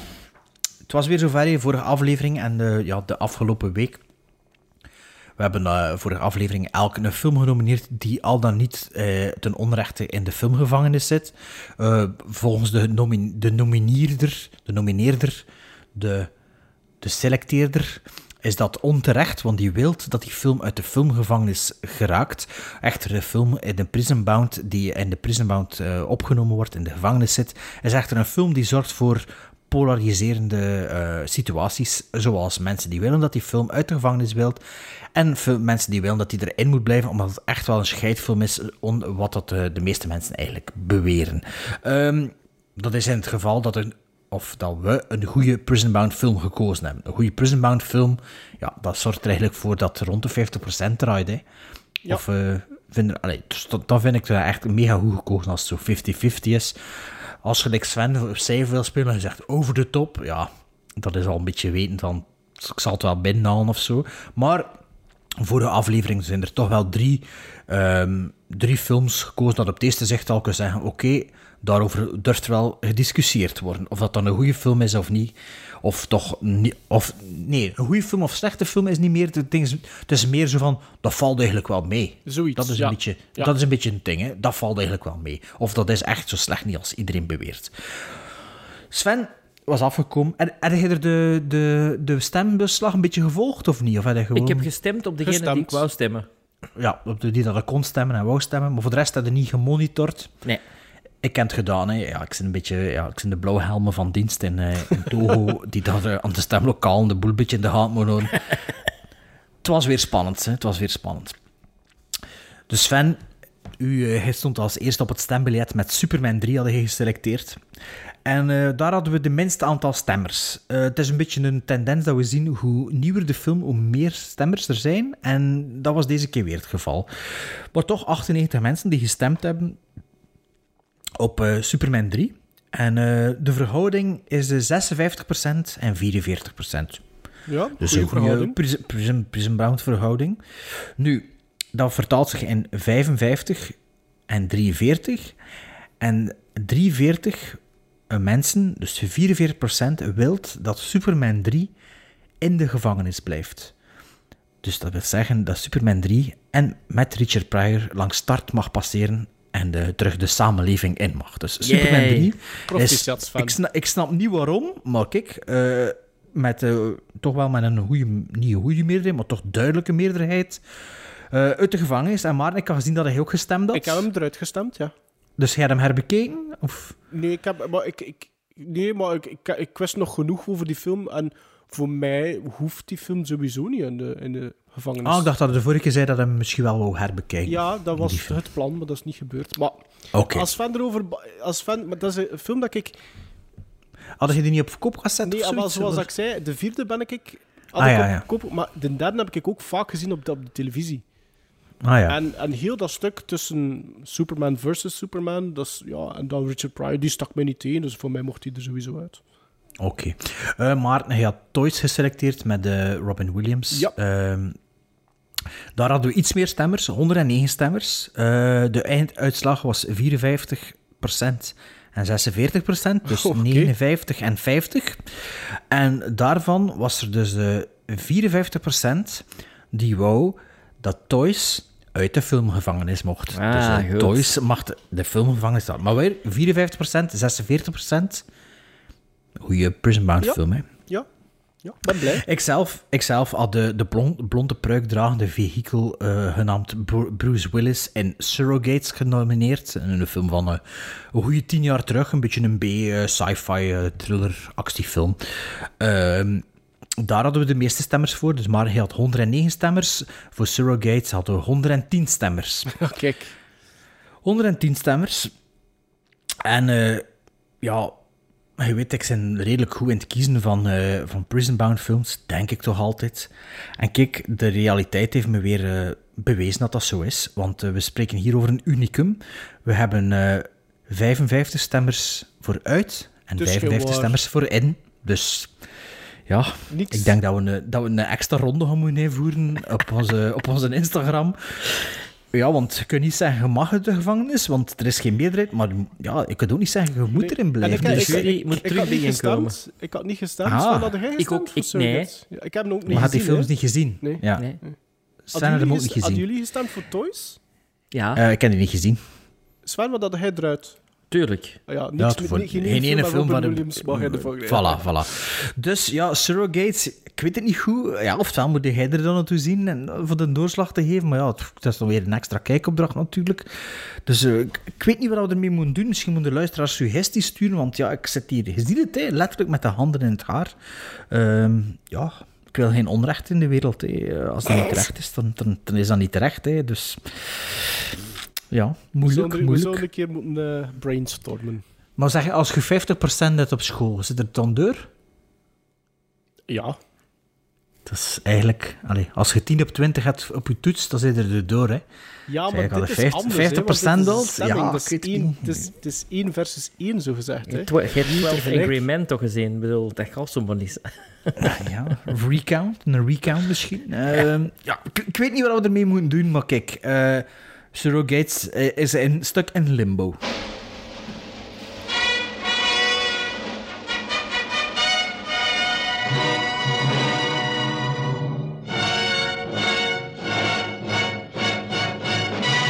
Dit was aflevering 111 van The Gremlins Strike Back. Volgende keer is het eh oh, 112. Is dat nu, hè? Is het 112, hè?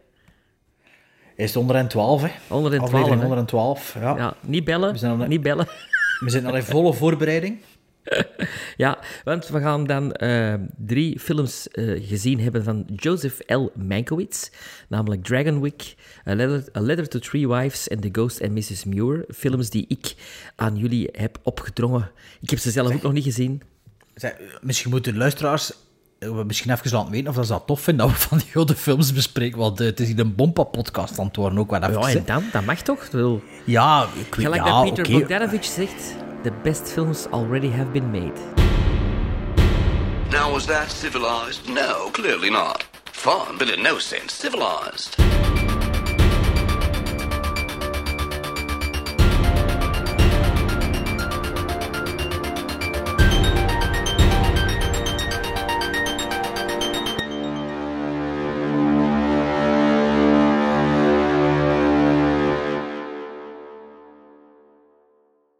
Mannetjes, ik kon hier even een machientje niet steken, want de muggen zijn mij hier aan het opfretten. Wacht, hè.